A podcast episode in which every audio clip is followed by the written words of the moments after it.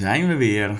Welkom, welkom, welkom, welkom, welkom, welkom, welkom bij aflevering nummer 19 van Waarom Niet de Podcast. Mijn naam is Thomas de Vries en ik interview nog steeds mensen voor verhalen en ideeën die je beter maken.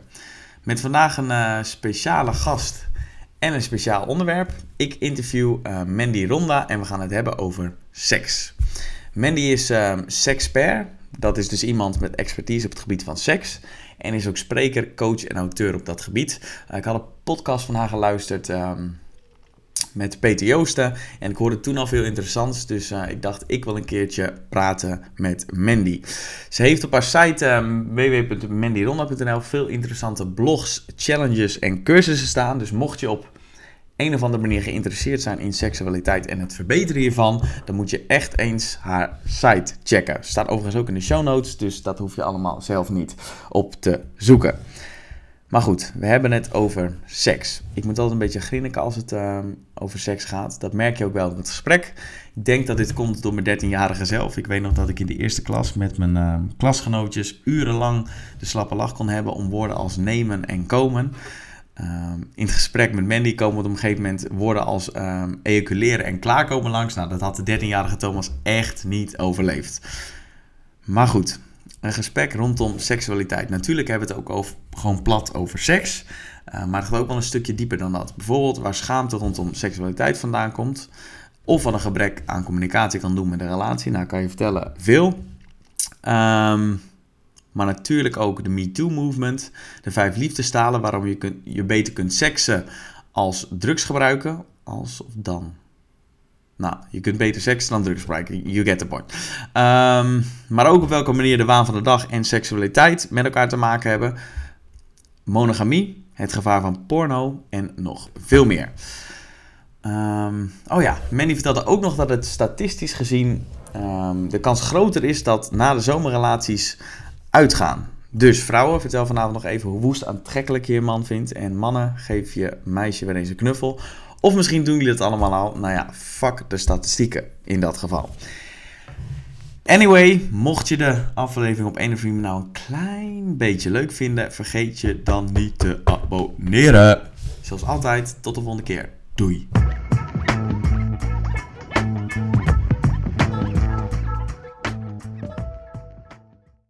Zo. Je wou net een slokje net een slokje nemen. Nou, doe nog even dan. Laten we er gewoon in. Doe ik het ook nog even. Ben je er klaar voor? Ja, helemaal. Ja? Ja. Mooi. Ja, want ik uh, wilde graag met je praten omdat ik uh, allereerst nou, seks een fascinerend onderwerp vind. En jij er fascinerend over kan praten. Maar waarom ik het fascinerend vind is omdat... Um, aan de ene kant kan het je heel veel brengen... Maar het kan ook voor heel veel problemen zorgen. En um, er lijkt een taboe op seks te staan, zijn. Eigenlijk mijn allereerste vraag, klopt dat? Zit er een taboe op? Ja, ik denk een, taboe is heel erg cultureel en, en tijd bepaald. Maar of er een taboe voor jou op zit, denk ik, is heel persoonlijk.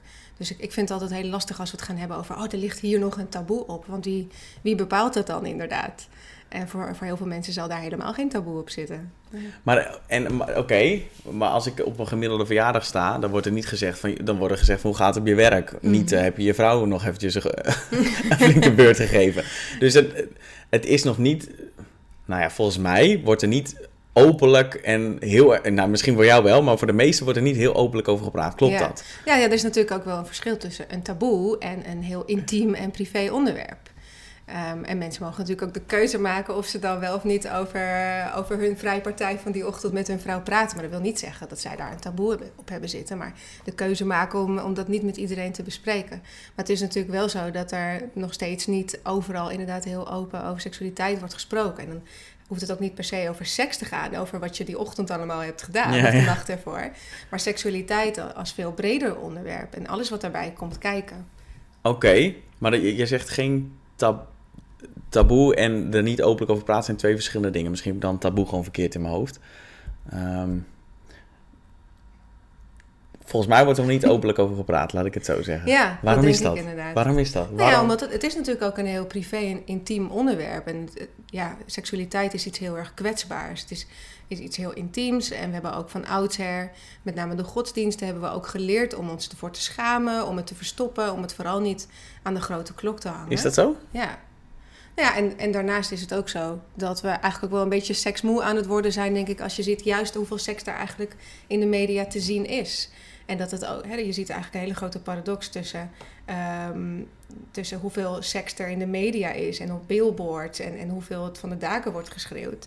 En tegelijkertijd als het gaat over echt relaties, dat er binnen relaties of, eh, of onder vrienden eigenlijk nog maar heel weinig echt over seksualiteit wordt gesproken.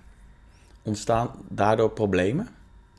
Dus dat het op, op Instagram, op, op, op het internet heb je overal seks. Je zegt billboards, dat noem je net allemaal zelf. Maar er wordt tussen vrienden en privésfeer misschien niet veel over seksualiteit gepraat. Ja, we krijgen ook een hele dubbele bo- boodschap mee. Hè? En- dat dat ja. seksualiteit er moet zijn en, en dat we onszelf allemaal heel erg moeten laten zien. Ja? Dat, dat beeld krijg je mee als je billboards ziet van halfnaakte vrouwen van Radio 538, ik noem maar wat. Wat totaal niks meer te maken heeft met radio. Het is natuurlijk seks zelfs. En tegelijkertijd eh, eh, praten we er eigenlijk niet over. Dus we zien het wel overal om ons heen, maar we praten er heel weinig over. En wat, wat is het gevolg daarvan? Ja, Kun je dat niet duiden?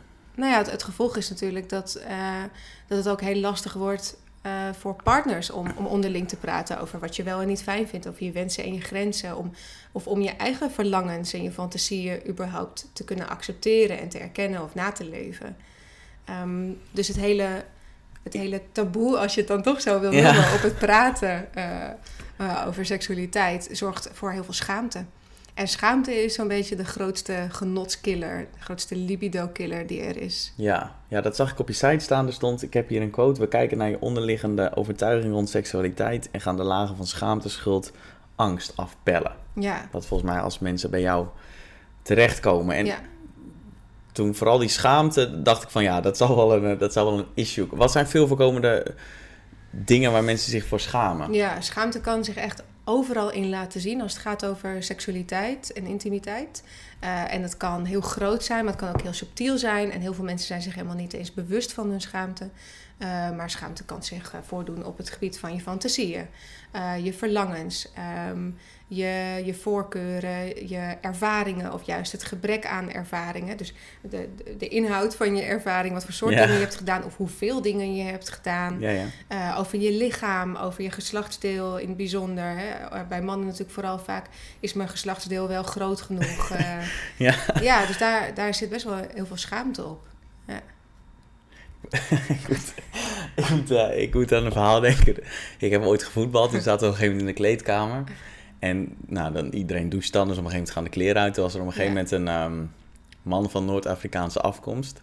En die, eh, die zat aan het begin van de kamer. En iedereen was met elkaar geanimeerd aan het praten. En hij deed zijn broek naar beneden. En toen liep hij zo van het begin van de kleedkamer zo naar de douche toe. En je hoorde zo langzaam hoorde je al die gesprekken zo stil Stilvallen.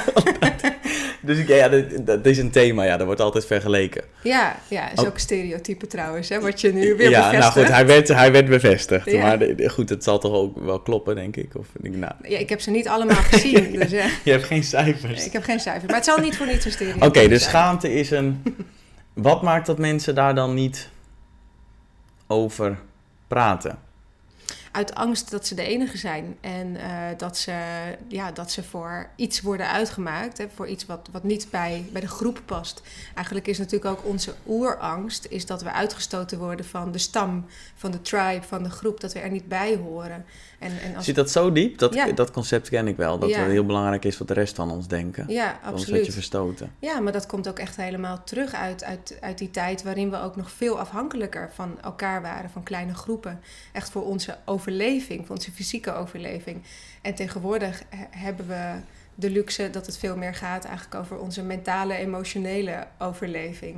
Eh, en, en het verlangen om ergens bij te willen horen en de angst om afgewezen te worden er niet bij te horen, die is heel groot. Dus dan kan je beter dingen die erop zouden kunnen wijzen dat je er misschien niet bij hoort, dat je raar bent, dat je daar de enige in bent, beter voor jezelf houden. En dat, zo ontstaat schaamte. Hmm. En ook, ik denk ook door een heel, heel groot gebrek aan kennis. En dus dat we er open over praten. Ehm, want dan komen we er misschien achter, nou, dat die fantasie die jij misschien hebt helemaal nog niet zo raar is. Of, of hetgeen waar jij mee worstelt in je relatie op seksueel gebied, dat misschien wel het gros van de relaties daarmee worstelen. Ja. Dus ja, wat zou het ons opleveren als we wel meer zouden praten? Dat schaamte afneemt. Omdat we erachter komen dat we niet de enige zijn die met dingen worstelen. En dat het helemaal oké is. Ja. En is het dan, als jij eh, een consult hebt met iemand, vaak de taak om gewoon te zorgen dat mensen hun of dingen uitspreken, of de dingen waar ze, waar, ze, waar ze zich voor schamen gewoon uitspreken? ja, in de eerste plaats daarachter komen eigenlijk. Hè, waar ze zich dan precies voor Want dat schamen. weten ook heel veel mensen ook niet. Ja, vooral voor vrouwen is het op de een of andere manier vaak wat lastiger zelfs nog om echt te voelen wat ze nodig hebben. Mhm. Eh, en ook bij mannen kan het heel erg in de weg zitten om, om eh, erachter te komen waar ze zich dan eigenlijk precies voor schamen. Want ja, je hoort je als man niet ergens voor te schamen, maar gewoon trots te zijn op wie je bent en alles wat je hebt. Dat is natuurlijk een beetje het, het gedachtegoed wat we nog steeds wel meekrijgen. Ehm, Van, ah joh, maar eh, stel je niet zo aan of zo. ja, ja, bijvoorbeeld. Ja, nou ja, kijk, als een man eigenlijk maar heel erg weinig eh, seksuele ervaringen heeft, dan hoort hij dus eigenlijk niet bij, bij de groep, als het ware. En ik maak nu van die haakjes met mijn vingers die je niet kan zien. Van die aanhalingstekens. ja. Ehm, dan, hoor je, dan hoor je er niet bij, want als man, we hebben geleerd als man, eh, hoor je juist een beest in bed te zijn en heel veel seksuele ervaringen, of in ieder geval heel veel zin in seks. Ehm, dus als dat bij jou als man minder is, dan is dat iets waar je je voor zou kunnen schamen. En als het nou heel veel is, is dan ook weer een eh, schaamte? Of wordt dat dan juist aangemoedigd als je constant zin hebt in seks en heel veel ervaringen hebt? En, Ja, we hebben natuurlijk ontzettende dubbele moraal als het gaat om vrouwelijke en mannelijke seksualiteit. En mannen, van mannen wordt verwacht dat ze heel veel zin hebben en, en heel veel bedpartners hebben en heel veel scoren. En dan zijn ze, dan zijn Cool. ze cool. ja. Dan zijn ze de macho, de Casanova. Als vrouwen echter een gezonde seksualiteit of seksdrive hebben en, en meerdere bedpartners, dan worden ze al snel als, als sletterig eh, bestempeld. Dus de slutshaming die, die dan opkomt. Dus die dubbele moraal. Hoe- dat vind ik echt. Ik heb hier wel eens een discussie over gehad met, met een vriend van me. Toen hadden we het erom. Hij heeft redelijk wat bedpartners gehad. En toen zei ik tegen hem: Stel nou dat je toekomstige vriendin, vrouw, partner. hetzelfde aantal sekspartners gehad heeft. Zou je dat aankunnen? Of zou je dat accepteren? Ze no way. Ja, maar dat is No echt way. een hele goede vraag. Maar Maar je, je confronteert hem dan op dat moment met iets, met iets heel bijzonders. Maar hij gaat er niet eens tegen in dat Hij jij zei- dat raar vindt. hij zei: No way. Ja. En toen, waarom is dat? Waarom is die dubbel? Is dat iets maatschappelijks? Dus ook wel. ja, dat gaat echt heel erg ver terug. Kijk, we, we leven natuurlijk nog steeds in een hele patriarchale cultuur. Dat is niet altijd zo geweest. Voor de luisteraars die niet weten wat patri ja, Patriarchaal. patriarchaal is. Of voor jou. Ja, ik, ik ken het, maar... eh, ja. Eh, het is een cultuur waarin eigenlijk mannen zeg maar de hoogtij vieren. Dus met name de, eh, de hoe zeg je dat nou? De middle-aged white man. Ja, Soms werk ik zoveel met Engelse termen dat ik niet eens meer goed kan vertalen naar Nederlands. kut is dat, hè? Want Ja. ja, die, dan heb je een Engelse term, denk je, nou, als ik dit nu zeg, dan komt het helemaal uit. Maar dan moet je het in het Nederlands zeggen, dan heb je er geen... eh Ja, ja, ja. Ja, Precies, ja. De middelbare witte man. de middelbare witte man. ja, als je kijkt naar bijvoorbeeld politiek, eh, maak maar een foto van, eh, van iedereen die in de regering zit. en Dan is het gros nog steeds echt wel man. Ja, Eh, dus de patriarchale cultuur, dat wil zeggen van ja, mannen die, die regeren eigenlijk, nou ja, letterlijk en figuurlijk, nog het meest, of meer dan vrouwen. ja. En ehm, van oudsher zijn, eh, is, dat, is dat niet altijd zo geweest overigens. We hebben ook in meer paganistische culturen geleefd, waarin de natuur en moeder aarde en het vrouwelijke, dus de godin eigenlijk meer werd aanbeden. Mhm. Dat was een matriarchale cultuur. En wij zitten momenteel in een patriarchale cultuur. En daarin is ontzettend veel angst voor juist de, de enorme erotische kracht van de vrouw. Eh, vrouwen die kunnen natuurlijk kinderen baren. We doen het natuurlijk allemaal wel samen, maar uiteindelijk zijn de vrouwen degene die de kinderen dragen en daadwerkelijk baren en ook moeten voeden om het kind eh, Mhm. levend te houden. Ehm, en, eh, en mannen zijn van oudsher doodsbang voor die enorme erotische kracht die vrouwen hebben. Dat is niet goed voor hun ego. Zij willen degene zijn die daarin Maar heersen, wat die bedoel je met zijn. Erotische kracht. Waarom zijn wij bang voor de erotische kracht? Van, omdat, zij willen, omdat zij liever... Ik heb het niet over alle mannen. Nee, nee, nee, Want maar- het klinkt nu echt ja. als een mega generaliserend gesprek trouwens. Maar ik heb het meer over hoe dit vroeger Ja, ja. ontstaan is. En, en hoe ook religie uiteindelijk ontstaan is. Mhm. En hoe religie eh, vrouwen en vrouwelijke seksualiteit heel erg heeft onderdrukt. En heksen die ook heel erg symbool stonden voor vruchtbaarheid en seksualiteit. En daar actief mee bezig Ja, waren. nee, dat, die de volg ik brandstapel allemaal. gooiden, Ja. Maar wa- zijn wij van origine bang voor de erotische kracht van de vrouw? Ik denk dat de mannen toen der tijd, ehm, die, die het instituut van de religie hebben gevormd Ja. en, en ervoor zorgden dat heksen op de brandstapel gingen, eh, dat die inderdaad heel erg bang zijn voor, voor vrouwelijke seksualiteit en voor de macht die, die vrouwen daar eigenlijk mee hebben, die we daarmee kunnen uitvoeren. Ook eh, het hele verhaal van Adam en Eva. Eva is eigenlijk maar één kant van de originele vrouw. De originele vrouw is Eva en Lilith in één. En, en Lilith, Lilith staat natuurlijk voor Sorry, de duistere kant van het vrouwelijke. Eva is zeg maar de dienstbare, het dienstbare meisje. Maar wie is, is het een Bijbels... Lilith, wat noemde die nou Lilith? Lilith, ja, is ook een bijbelsfiguur. En je kent haar niet eens. Nou ja, ik ben echt christelijk opgevoed. Ik zat tot mijn 16 iedere zondag in de kerk. Hè? Ja, ja. Ik, ik heb nog nooit van Lilith gehoord. Dat meen je niet. Nee, echt Nou, niet. maar dat bedoel ik dus. Gewoon Lilith werd gewoon volledig onder het kleed geschoven. Oké, maar de- je had Adam, dat was één gozer, dat was de alfa, Alpha mannetje. mannetje. En dan had je Eva. En Eva is de dienstbare vrouw. Ja. Maar een andere kant van haar is, en, is Lilith. En Lilith representeert, ik, ik zeg natuurlijk niet Adam, Eva, Lilith daadwerkelijk als persoon hebben bestaan, maar zij eh, symboliseerde of representeerde wel iets. En Lilith, Maar dit staat in de Bijbel. Dat weet ik niet. Of dat in de Bijbel staat, dit, dit hele verhaal wat ik nu vertel, maar dat is hoe ik het interpreteer. Oké. Maar nee, maar Lilith, is dat iets wat in de, ik heb nog, is dat iets wat in de Bijbel staat? Of? Dat is meer waar paganistische culturen inderdaad Ah, over, over spraken. Oké. Ja, en dat, dat, dat dat dus ook bewust juist uit de Bijbel is gelaten. Laten. Ja. Om dus de vrouw. Om haar te onderdrukken en ervoor te zorgen dat, eh, dat mannen meer, ja, meer macht en meer aanzien Ja. hebben. En Lilith representeerde eigenlijk juist die meer duistere en dynamische kant, eh, die, die de verleidster was eigenlijk. Hè? En ook Eva was natuurlijk degene die, eh, die ervoor zorgde dat het koninkrijk omver viel, doordat zij viel voor de verleiding van de slang en een, en een hap uit die appel nam. En die slang representeert eigenlijk weer Lilith. Die slang die representeert de kundalini, zoals dat ook wel wordt genoemd in eh, tantrische eh, Ik, culturen. ik leer allemaal dingen. Ja, ik Kundalini. zie het, er komt echt van alles op je af.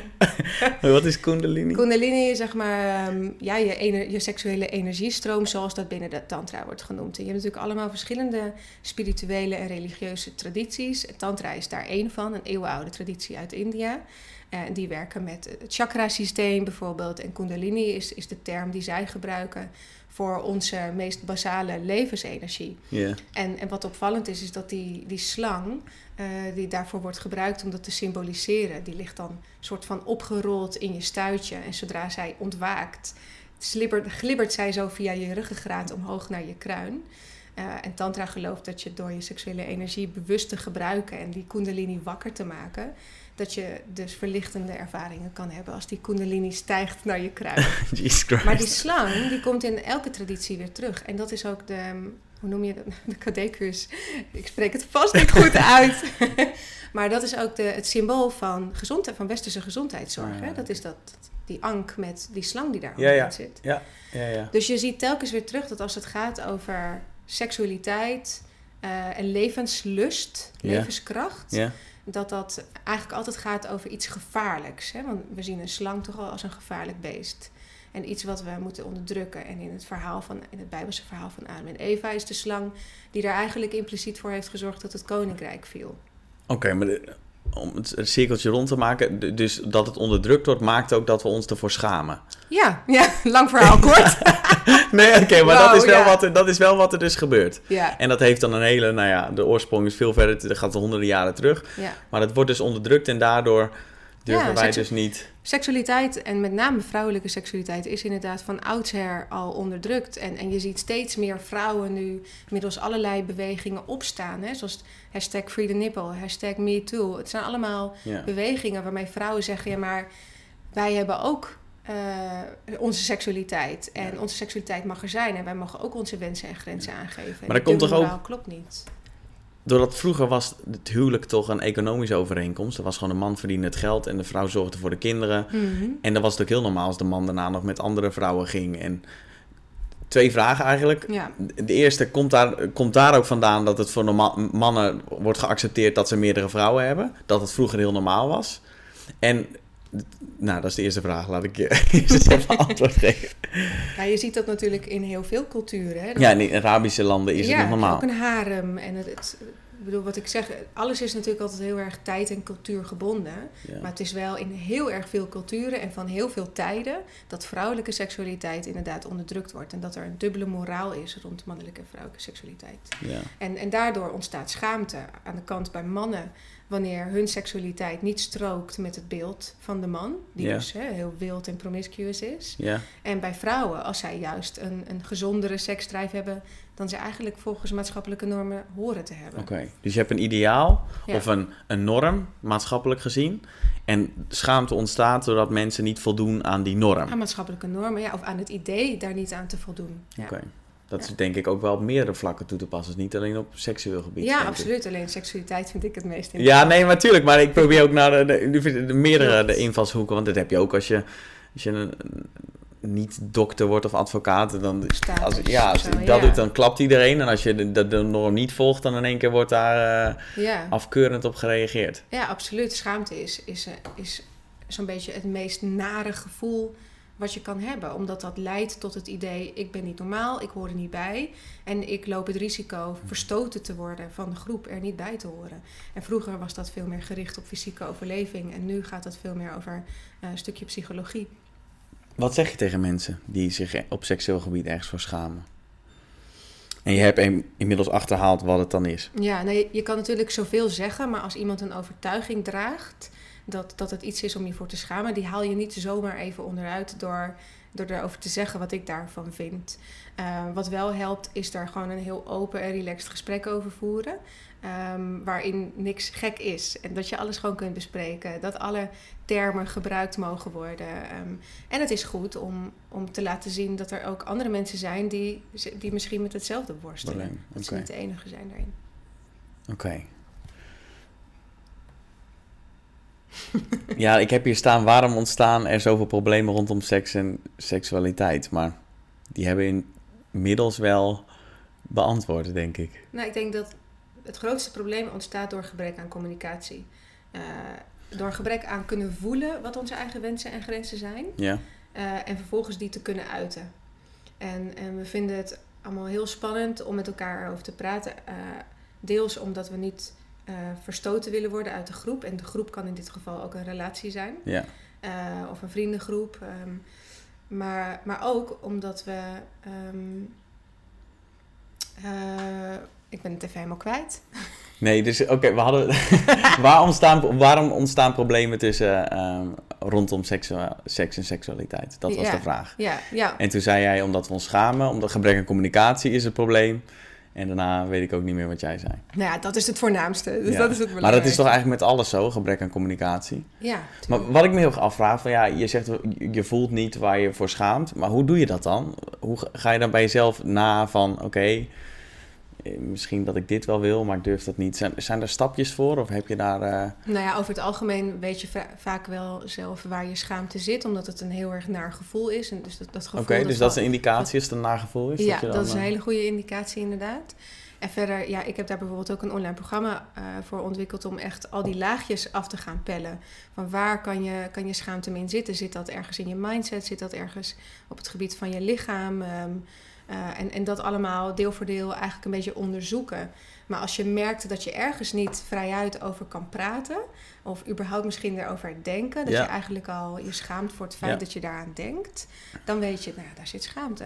ja. En, en daar zit dus een, eh, een mogelijkheid om ergens nog vrijer in te worden. ja. Dat is eigenlijk de schatkist die daarin ligt natuurlijk, in de schaamte. Ik heb laatst een quote en er komt een Engels aan, want ik, in Nederlands klinkt die voor geen meter. Dus shame only lives in secrecy. Ja, Dacht ik, mooi. ja, als je, Precies. als je het uitpraat, dan wordt het al 20, nou 100% lichter, zeg maar. Ja, en dat is in dit geval ook zo. Ja, ja, ja. Ik vind het ook heel leuk om bijvoorbeeld met stellen te werken die, die dan komen voor een inspiratiegesprek of een consult. En, eh, en, en waar- waarbij één partner duidelijk zich schaamt voor iets. En ehm, wat ik dan doe is, ik neem een hele lijst met ze door om achter hun seksuele blauwdruk en hun liefdestaal eh, te komen en hun toegangswegen tot opwinding. Oh, oké. Je gaat eh, de, de seksuele blauwdruk. Sorry. Wat, vertel eens, je, je komt achter de seksuele blauwdruk, Liefdestaal liefdestaal. en ehm, eh, je toegangswegen tot opwinding. Oké. Ja. En seksuele blauwdruk is wat mensen hun voorkeuren zijn? Of? ja, je seksuele blauwdruk zie ik als eh, je hele verzameling aan, aan boodschappen die je hebt meegekregen rondom seksualiteit en de overtuigingen die je daardoor hebt over seksualiteit in het algemeen en die van jezelf. Dus dat, kan, dat zijn de boodschappen die je meekrijgt uit media, eh, je, je opvoeding, eh, school, vriendjes, vriendinnetjes, maar ook de ervaringen die je opdoet en Ja. de gedachten die je daar, of overtuigingen die je daaraan overhoudt. Ja. Ehm, Ik ben wel benieuwd naar die van mij.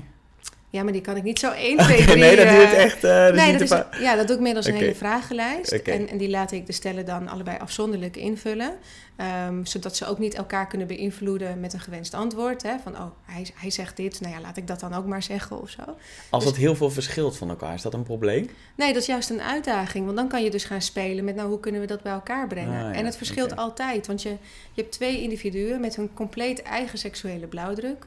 Een, een hele eigen verhaal als het gaat over seksualiteit. En dus ook hun eigen unieke seksuele voorkeuren en verlangens. En als je in een langdurige relatie zit, dan groei je allebei individueel als het goed is ook. Ja. Dus je fluctueert ook in je seksuele verlangens en in je seksdrive. Dus het zal altijd in een relatie een, een speelveld zijn, een zoektocht om elkaar daar dan weer in te vinden. Dus dat is juist de uitdaging. Dus het hoeft helemaal geen probleem te zijn Nee. als je. Nee. Als je Maar het is wel belangrijk dat er dan gecommuniceerd wordt. Als de ene Dat van hele ha- ja. hardhandige dingen houdt en de ander juist de taal niet. Ja, nou ja en Oh. dat is waar, waar, waar, waar ik als mediator of iemand anders dan natuurlijk heel erg nuttig in kan zijn. Omdat mensen zich schamen voor, eh, voor hun seksuele ervaringen of verlangens. En moeilijk daar dan het gesprek over aangaan. Bijvoorbeeld een, een man uit een eh stel die het heel lastig vindt om eh, op toe te geven dat hij enorm veel fantaseert over een trio. En denkt dat zijn vrouw dat gewoon sowieso gaat afslaan. En dat, dat blijft maar in zijn systeem zitten. Dat wordt alsmaar groter. Eh, die fantasie en het verlangen, maar ook de schaamte die daar dus op ligt. Wordt de kans dan ook groter dat hij elders gaat zoeken? Dat hij... Ook die kans wordt inderdaad dan groter. Ja, tuurlijk. Als je, als je het lastig vindt om ergens over te praten en je fantasie daarover groeit en groeit en groeit, ja, dan is het natuurlijk wel een beetje spelen met vuur, zeg ik. Terwijl er een truck voorbij rijdt met haardhout erop en een hele grote vlam. Van de woordgrapjes. Ja, sorry. Oké, maar gebeurt het sneller bij stellen die niet praten dat de partner vreemd gaat? Kun je dat vind ik, ja, zeggen? dat vind ik heel lastig om iets over te zeggen. Want Maar ik, kan me dat heel voorstellen? gedaan, maar ik kan me dat zeker heel erg goed voorstellen. Oké, Ja, absoluut. Dus je kunt geen eh, eenduidig antwoord geven, maar het zou je niet verbazen als dat wel zo is. Nee, inderdaad. Tuurlijk. Het is ook, heel- ja, je, je fantasieën zijn valide. En niet elke fantasie hoeft uitgeleefd te worden. Maar als je je fantasie al niet eens uitspreekt... en daarmee in wezen dus ook niet eens erkent naar jezelf... want eigenlijk zend je ook naar jezelf de boodschap... mijn fantasie mag er niet zijn. Eh, en dus spreek ik hem niet uit naar mijn partner. Dat Mhm. kan natuurlijk ook allerlei andere redenen hebben... zoals je wil je partner niet kwetsen... Of je bent bang dat je partner toch eh, nee zegt. En ja, wat moet je dan met die fantasie? Maar ondertussen wordt jouw fantasie en ook de hele lading die daarop Ja. zit steeds Ja, ja. En dan wordt het ook steeds moeilijker om, om nog goed rationeel te kunnen nadenken en beslissingen te kunnen nemen. Ja, open communicatie is zo belangrijk. En in een gesprek neem ik mensen daarin mee aan de hand van die vragenlijst. eh, en gaan we er juist gewoon heel speels en heel luchtig over praten. Het hoeft allemaal niet een heel zwaar onderwerp te zijn. En, oh, oh, waarom heb je die fantasie? Ik moet ook altijd een beetje grinniken. Dat zei ik voor de podcast. Als het dan over seks gaat en zo, dan beetje zo'n hand voor mond. Dan moet ik altijd grinniken. Omdat Ja. het toch... Daar zit toch wat omheen of zo. En dat is ook wel een indicatie dat het... Nou, ik weet niet of maatschappelijk of voor mij... dat het toch een, een speciaal onderwerp is. Ja, maar zo. dat mag ook. Kijk, het hoeft ook niet eh, iets te worden waarover we gewoon over de koffie met de buurman eh, Nee. elke dag erover hebben. En ik heb het heel vaak over schaamteloosheid, maar dat moet je ook niet verwarren met grenzeloosheid. Hè, dat je dan dus opeens helemaal geen grenzen meer hebt in wat je dan, wanneer, met wie je bespreekt. Ja, ja, ja. En schaamteloosheid gaat veel meer over iets, over iets in, ja, inwendigs, maar dat klinkt echt zo dubbel. over iets innerlijks, wilde ik zeggen. Oh. Ja, dat is veel meer iets van jezelf. En, eh, en, en dat alles wat je voelt en ervaart of zou willen, dat dat er gewoon mag zijn. Dat je daar niet voor hoeft te schamen. Zijn er problemen in een relatie die heel veel voorkomen? Het grootste probleem is dus een gebrek aan communicatie. Ja, Maar dus stellen te die praten helemaal niet over wat ze leuk vinden. Ja, nou ja, dat zie, je, dat zie je vooral bij wat oudere stellen die echt al lang samen zijn. Die hebben natuurlijk nog veel meer vanuit hun vorige generatie opvoeders meegekregen dat je daar niet over praat. En als je dat dus niet gewend bent, hè, ook al komen we nu steeds meer in een cultuur waarin we wel open zijn met elkaar, ook door social media, dat we steeds meer openlijk delen, omdat het natuurlijk ook veiliger is van achter een beeldscherm. Maar als je dat van huis uit nooit hebt meegekregen om daarover te praten, ja, ga er dan na twintig jaar samen maar eens aan beginnen. Ja. Dat is natuurlijk hartstikke spannend. eh, Ja. Dus ja, daar zit wel echt het grootste probleem. Praten, gewoon, ja. En, en ik zie ehm, een verschil in seksueel verlangen, in, qua frequentie of qua eh, ja, inhoud, zie ik zeker niet als een probleem. Dat is alleen maar een uitdaging van oké, leuk, dus jij hebt dit en ik heb dat. En ja, hoe gaan we elkaar daarin ontmoeten? Hoe kunnen we iets vinden ja. waar we allebei eh, geprikkeld door raken? Dat kan ook leuk zijn. Ja, juist. Ja. Je zei net Me Too. Dat, dat, wat vind je er eigenlijk van, van, van de Me Too? eh,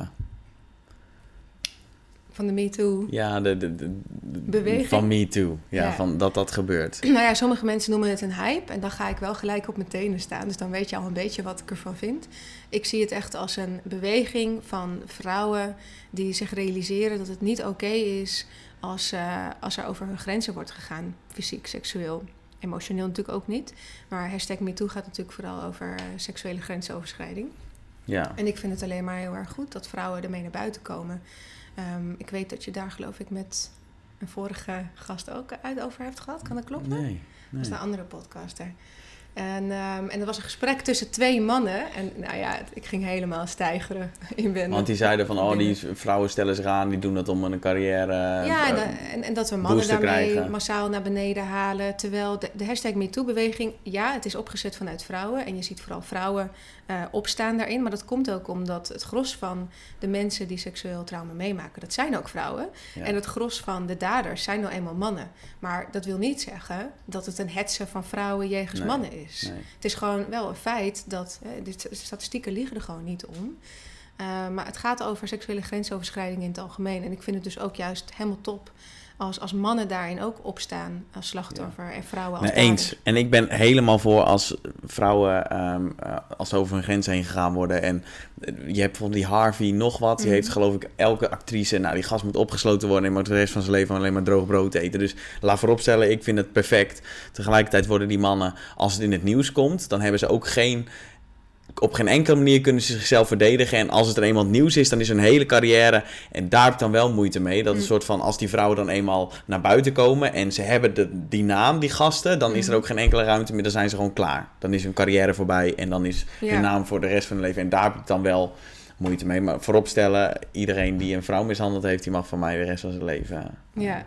Nou ja, ik hoor wat je zegt, maar dat is natuurlijk niet de, de verantwoordelijkheid van de vrouw die opstaat hè, en, en aangeeft wat er is gebeurd. Nou, dat de media, nee, dat de media niet? het oppikt. Hoezo niet? Oh, ik word nu heel veel hoor. Dat de media het oppikt en, en vervolgens inderdaad iemand aan de schandpaal hangt. Ja. Dat, dat is de verantwoordelijkheid van de media. Maar dat moet er niet voor zorgen eh, dat een vrouw zich dan maar inhoudt. Omdat ze denkt van ja, maar ja, als ik er iets van ga zeggen, Nee, dan heeft die. Harf geen eh, carrière meer. Eens, dat moet ook geen Dan had hij maar eerder moeten nadenken. Over moet het geen zo'n beslissing. variabele zijn. Maar als het nou een vrouw is die, ehm, waarbij het niet echt mishandeling was, Hmm. maar toevallig een moment waarin zij dacht: hé, hey, dit is een goede boost en eh, ik vind het wel prima om dat te doen met die gast. Dan heb ik er wel moeite mee. Dus waarbij mensen, waar, vrouwen die echt slachtoffer zijn, of mannen, Hmm. daar direct doen. Maar er, er kan ook misbruik van gemaakt worden, de andere kant op. Tuurlijk ik denk dat. dat. in heel veel gevallen niet het geval is. En nogmaals, ik ben ook voor ieder, iedereen die wel mishandelt of misbruikt, moet dat direct doen. Maar dat kan ook mis. En ik kan me zo voorstellen dat het ook gedaan wordt. Ja, maar dat zal ook wel zo zijn. Maar door, door daar ook eh, in de media ook steeds over te hebben en, en je af te vragen van nou, is elke vrouw er wel eerlijk over? Gebruikt ze het niet om zelf meer aandacht te krijgen of iemand gewoon even lekker naar beneden te halen? Ehm, vergroten we ook de kans dat andere vrouwen vervolgens geen aangifte doen, die hè, niet opstaan, omdat ze bang zijn dat zij dan vervolgens weer worden aangewezen, Ja. eigenlijk als een dader bijna. Ja. Hè? En dat noemen we victim blaming. Dat we eigenlijk onze ogen willen sluiten voor het feit dat het zo vaak gebeurt. En vervolgens maar gaan rationaliseren dat er vast ook vrouwen tussen zitten die er misbruik van maken. Van, van die mogelijkheid en van die beweging. Ja. Dus ik denk dat we daar gewoon helemaal geen rekening moeten houden. Tuurlijk zullen ze ertussen zitten, maar dat is echt niet het gesprek waard. Waar het gesprek over moet gaan, is waar het dus wel echt gebeurt en waar Ja. het wel misgaat. Ja. En wanneer een vrouw opstaat en aangifte doet, dan moet je er altijd van uitgaan dat ze gewoon de waarheid spreekt. Omdat het zo ontzettend traumatiserend en pijnlijk is als je daar niet serieus wordt genomen. ja. Dus het, is, het is juist voor de vrouwen die opstaan en niet serieus worden genomen en waar in de media over getwijfeld wordt of ze wel gelijk hebben, is dat misschien nog wel traumatiserender. Het niet serieus Ja, dus dan is, het, dan is het gebeurd en dan kom je er vooruit, wat Ja. een hele stap is. En dan word je vervolgens niet serieus genomen dat mensen zeggen van ja, het zal wel niet Ja. echt zijn. Ja, Voilà, daar kan ik wel in komen. nou mooi. Dus ja, je hebt me Mag overtuigd. je nog een kopje koffie? nou, chill. Ehm, ik zit even te denken. We hadden het ook nog over ehm, seksuele blauwdruk, liefdestalen en eh Oh ja, lief, toekomstwegens oh ja, ja. Ik moet eventjes trouwens eh, de oplader in de laptop doen. Heb jij hier een stopcontact ergens? Ja. Zou jij hem erin willen doen voor mij? Me too, ja. Ik zag dat je op een gegeven moment... eh,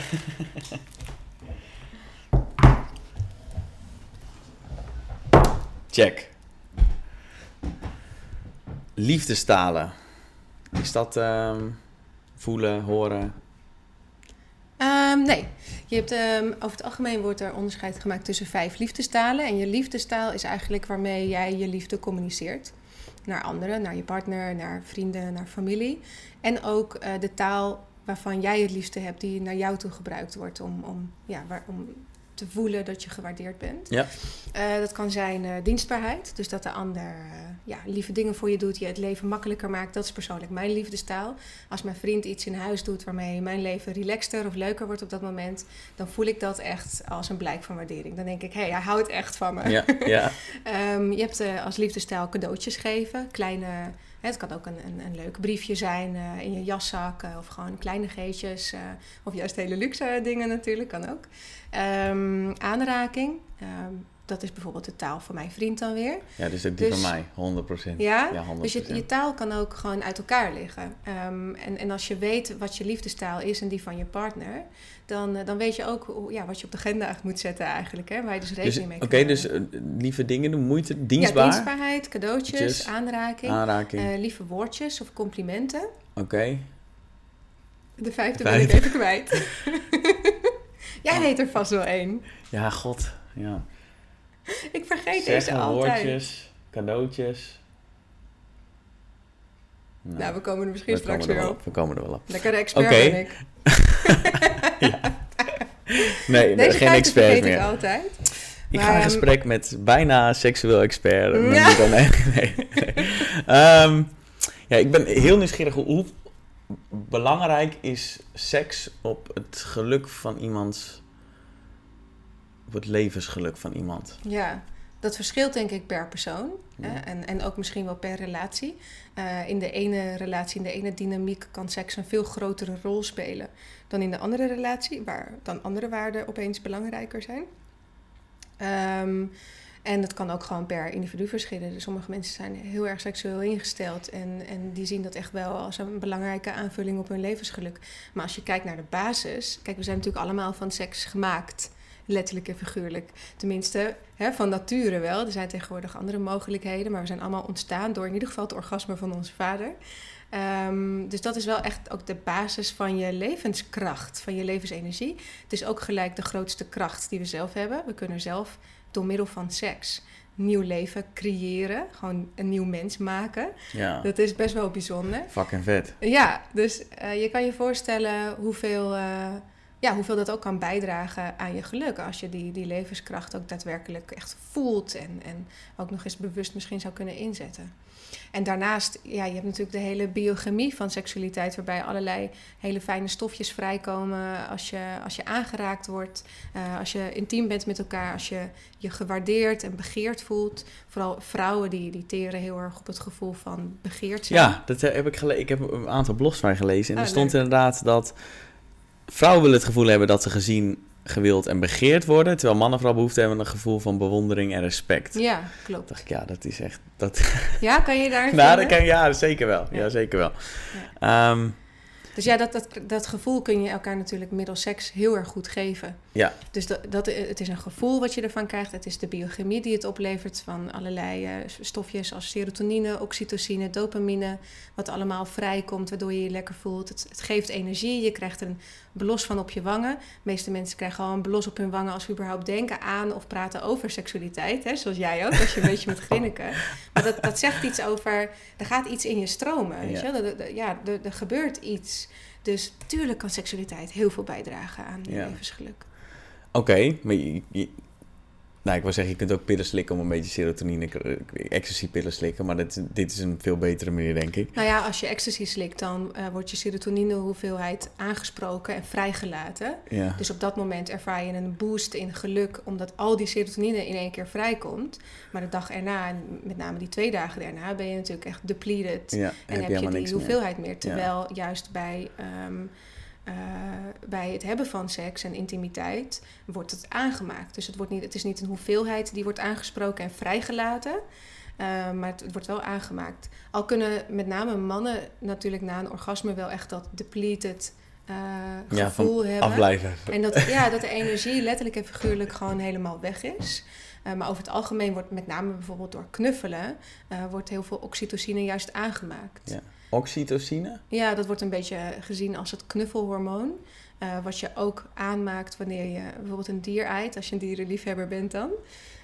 Um, de, dus dat is, dat is een hormoon wat sowieso wordt aangemaakt oh, en niet, niet wordt vrijgelaten, zeg maar. Dus ja, ja, aangemaakt. is wel, doet wel iets heel anders. Ja. ja. Oké, nee, goed. Dit is sowieso een betere manier. Maar terug naar het deel over uh, gevoel van bewondering en respect. Mm -hmm. Dat is iets wat je ook heel bewust zou kunnen doen. Als vrouw naar een man een gevoel van uh, bewondering en respect geven. En voor een man naar een vrouw dat ze zich begeerd voelen. Ja.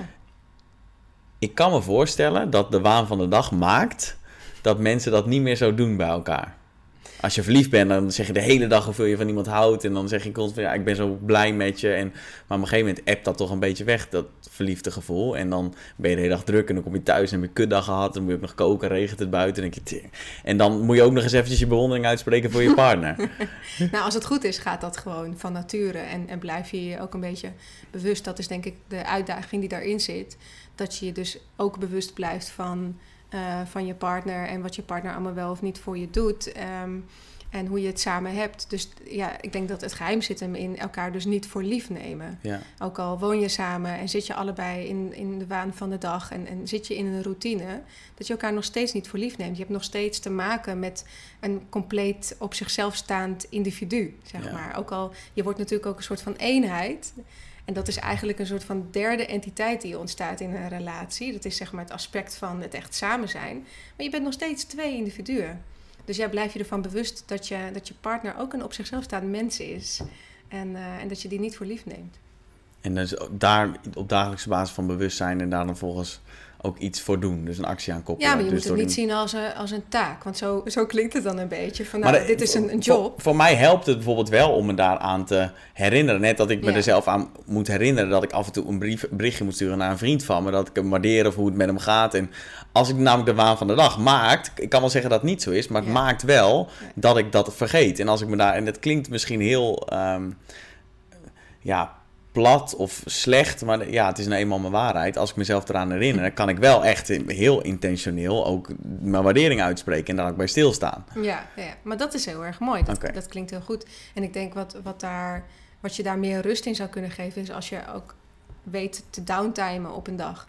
Dat je ook kan ontspannen um, en uit die, die waan van de dag stapt zodat ook uh, gevoelens van, hé, hey, ik heb ook nog uh, familie, vrienden, mijn partner om me heen. En, en, en het in het hier en nu zijn met mijn dierbaren is misschien nog wel belangrijker dan die hele waan van de dag. Dus die zet ik nu opzij. En dan komt de waardering voor de mensen die je om je heen hebt, voor je mm. partner, ook vanzelf wel. Omdat je dan gewoon wat bewuster in het hier en nu bent. En, en je je vriendin ziet koken en denkt van, god, wat heb ik toch een ontzettend leuk, uh, leuk vrouwtje. Ja. ja. Ik heb ooit een verhaal gehoord van een stel, dat was volgens mij 95 en die waren vijf of die misschien wel 80 jaar bij elkaar, 75, 80 geloof ik of zo. Was dat nou ja, heel lang. En die waren nog steeds ehm, enorm verliefd op elkaar. Die zaten heet aan elkaar, waren een knuffel aan het geven. En toen op een gegeven moment werd er gevraagd aan die man: hoe komt het nou dat jullie na zo'n lange tijd nog verliefd op elkaar zijn? Hij zei ja ik probeerde gewoon iedere dag probeer ik te weer te veroveren. Toen dacht ik, nou dat is... Maar dat, dan kan ik me voorstellen dat een vrouw zich gezien, gewild en begeerd voelt. En ja, de- iedere dag probeert hij weer zijn best te doen voor me. Ja, dat is wel het geheim. En misschien is, juist omdat hij eh, al wat ouder is, is, is, is hij ook niet zo gegrepen door de waan van de dag. Hè? We hebben het natuurlijk met z'n allen steeds drukker. We zijn steeds meer, eh, via steeds meer kanalen bereikbaar. Eh, we verwachten ook van elkaar dat we gewoon instant antwoorden op alles wat binnenkomt. Voelen ons schuldig als we daar niet aan kunnen voldoen ook. Dus ja, misschien als je wat, wat minder in die hele snelle wereld bent opgegroeid, dat het ook Ja. dus makkelijker is om in het Ja. hier en nu te zijn en dankbaar Ja. te zijn voor wat je gewoon om je heen hebt. En uit die rust ontstaat dan ook waardering voor. Het hoeft niet altijd zo te zijn. Ja, nou ja, misschien kom je erachter. dat uit die rust dat het toch niet de juiste partner is. Nou ja, dat zou natuurlijk ook heel goed kunnen. Als jij heel erg lang ehm, beide in, in de baan van de dag leeft, als het ware, eh, verloop je, loop je natuurlijk ook het risico dat je elkaar gaat verliezen. Dat je de ander niet meer ziet voor wie hij of zij is. En of misschien zelfs jezelf ook voorbij rent. Ehm, en dat je op een gegeven moment, wanneer je wel stilstaat, bijvoorbeeld op vakantie, eh, dat je erachter komt dat je eigenlijk uit elkaar bent gegroeid. En misschien helemaal niet zo goed meer bij elkaar past, ook überhaupt. En je ziet ook dat vaak na de zomervakantie, statistisch gezien, meer mensen scheiden Ja joh? omdat ze tijdens de, de vakantie in de rust erachter komen dat, eh, ja, dat ze toch wel uit elkaar zijn gegroeid. En dan is natuurlijk de vraag: van, ja, ga je investeren en elkaar weer eh, ontdekken en ontmoeten? Of besluit je de knoop door te hakken en, ehm, en je bij die eigen weg te gaan? Hmm. Dat, volgens mij is dat ook als mensen kinderen hebben. Dan hebben ze een kinder opgevoed en dan is dat op een gegeven moment klaar. Dan komen ze erachter dat ze de kinderen gemeen hadden. Maar voor de rest niet zo heel ja, veel er zijn natuurlijk meer. heel veel momenten waarop je zou kunnen, kunnen gaan breken. Vooral als het echt niet past, dan is het op zich logisch dat er een moment komt. Ja, nou je ziet het bijvoorbeeld ook wel veel bij ehm, stellen die een kind hebben van een jaar of twee, drie. Ehm, dan het eerste jaar, tijdens de zwangerschap draaide het helemaal om de vrouw.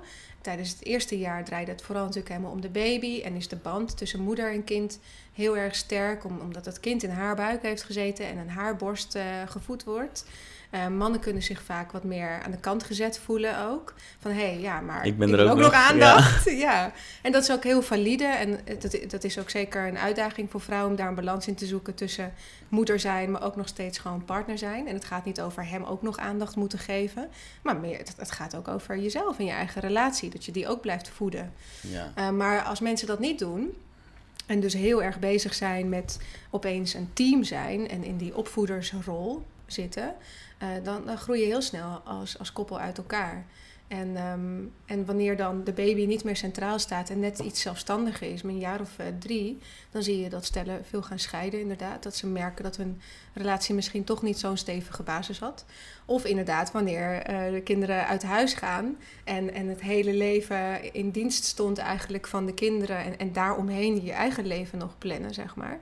En dan zijn die kinderen weg, beetje empty nest syndrome. En ja, wat gaan we dan nu doen met ons leven, met onze relatie? Uh, empty nest nog, syndrome. Ja, en dan zit je misschien ook nog wel in een leeftijdsfase waarbij de menopauze of de midlife crisis uh, ook nog komt aankloppen. Ja, dat is ook een uitdaging. een uitdaging, dus een understatement. Mooi. Yeah. Um, ik heb een onderwerp en ik had het opgeschreven en ik heb er niet echt een vraag bij. Dus ik ga gewoon zeggen waarom ik het een interessant onderwerp vind. En dan, wie weet, kan jij er uh, soep van maken. De rol van seks in opbouw en afbreuk van vertrouwen. Ik vind de opbouw en afbreuk van vertrouwen vind ik een heel interessant onderwerp. En ik ben benieuwd of er een rol is van seks in de opbouw en afbreuk van vertrouwen. Ja, ontzettend natuurlijk. Ik denk uh, als het gaat over fysieke intimiteit, dan, dan is dat wel het vlak waar het meeste vertrouwen komt kijken. En dan, gaat het, dan wordt vertrouwen natuurlijk het snelst geschend wanneer je je niet houdt aan afspraken. Ja. Bijvoorbeeld een afspraak van exclusiviteit binnen de relatie of tijdens het daten. Uh, of, een, um, uh, of gewoon een fysieke grens die overschreden wordt omdat een vrouw van tevoren heeft aangegeven nog niet toe te zijn aan seks. En, en uh, de man die wil al wel wat verder. Dus je kan in, in fysieke intimiteit in het begin van de relatie heel goed laten zien dat je de wensen en de grenzen van een ander respecteert en daarmee het vertrouwen winnen of inderdaad is verbreken juist. Ja. Hmm. Geloof jij erin dat mensen die een echt een goede relatie, dus twee Hmm. mensen hebben een perfect, nou perfect, gewoon een goede relatie, vertrouwen elkaar, zijn echt verliefd op elkaar. Denk je dat het dan alsnog kan gebeuren dat de ander verliefd wordt op een ander, of de een verliefd wordt op een ander iemand? Ja, tuurlijk. Ik bedoel, Kunnen die dingen los van elkaar staan? Dat Ja. bedoel ik eigenlijk te zeggen met heel nou ja, ik denk woorden. dat het gevaar in waarom veel relaties verbroken worden, is omdat we het moeilijk vinden om dat inderdaad los van elkaar te zi- kunnen zien. En ehm, dat we het ons heel persoonlijk nemen als, eh, als onze partner dus inderdaad eh, ja, iets anders zoekt buiten de relatie. Ja. Van, dan, geef ik niet goed dan ben ik niet goed genoeg Ja. of ik geef niet voldoende. Ja, want dat is toch vaak, dat staat. hoor ik altijd. Van ja, als, als, de, als iemand vreemd gaat of iemand wordt verliefd op een ander, dan zit er sowieso wat mis in de eigen relatie. Dus dan ga je er ook naar zoeken van, oh, er zal er wel wat mis zijn. Maar dat Dat hoeft helemaal Nee. niet. Nee. Kijk, ik geloof ook niet dat mensen van nature, en nu maak ik weer van die aanhalingstekens, eh, monogaam zijn. eh. je moet er eigenlijk een geluidje bij hebben of zo. Dat de aanhalingstekens Ja, dat het een geluidje Dat is een wordt. hele Ja. goeie, ja. Ik, ik geloof niet dat mensen van nature monogaam zijn. En ehm, ik geloof wel dat het een eh, maatschappelijke norm is. En dat het een keuze is ook. Dus ik geloof heel erg in bewuste monogamie. Ik heb een bewuste eh, monogame relatie met mijn vriend bijvoorbeeld. En, eh, en wij kiezen ervoor om monogaam te zijn. Dus het is niet dat dat zo een onuitgesproken iets is, omdat het nou eenmaal zo hoort. Mhm. Maar wij hebben allebei besloten dat dat de dynamiek is die op dit moment het beste bij onze relatie past.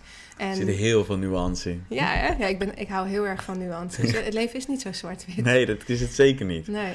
Dus ehm, ja, ik, ik denk dat het heel belangrijk is om met je partner te bespreken wat je wil. En, en daarbij niet uit te gaan van wat wel of niet normaal is. Bij de weerstand die je misschien eh, kan verwachten van familie die het niet eens is met je, met je keuzes. Als je bijvoorbeeld zou gaan voor een open of polyamoreuze relatie.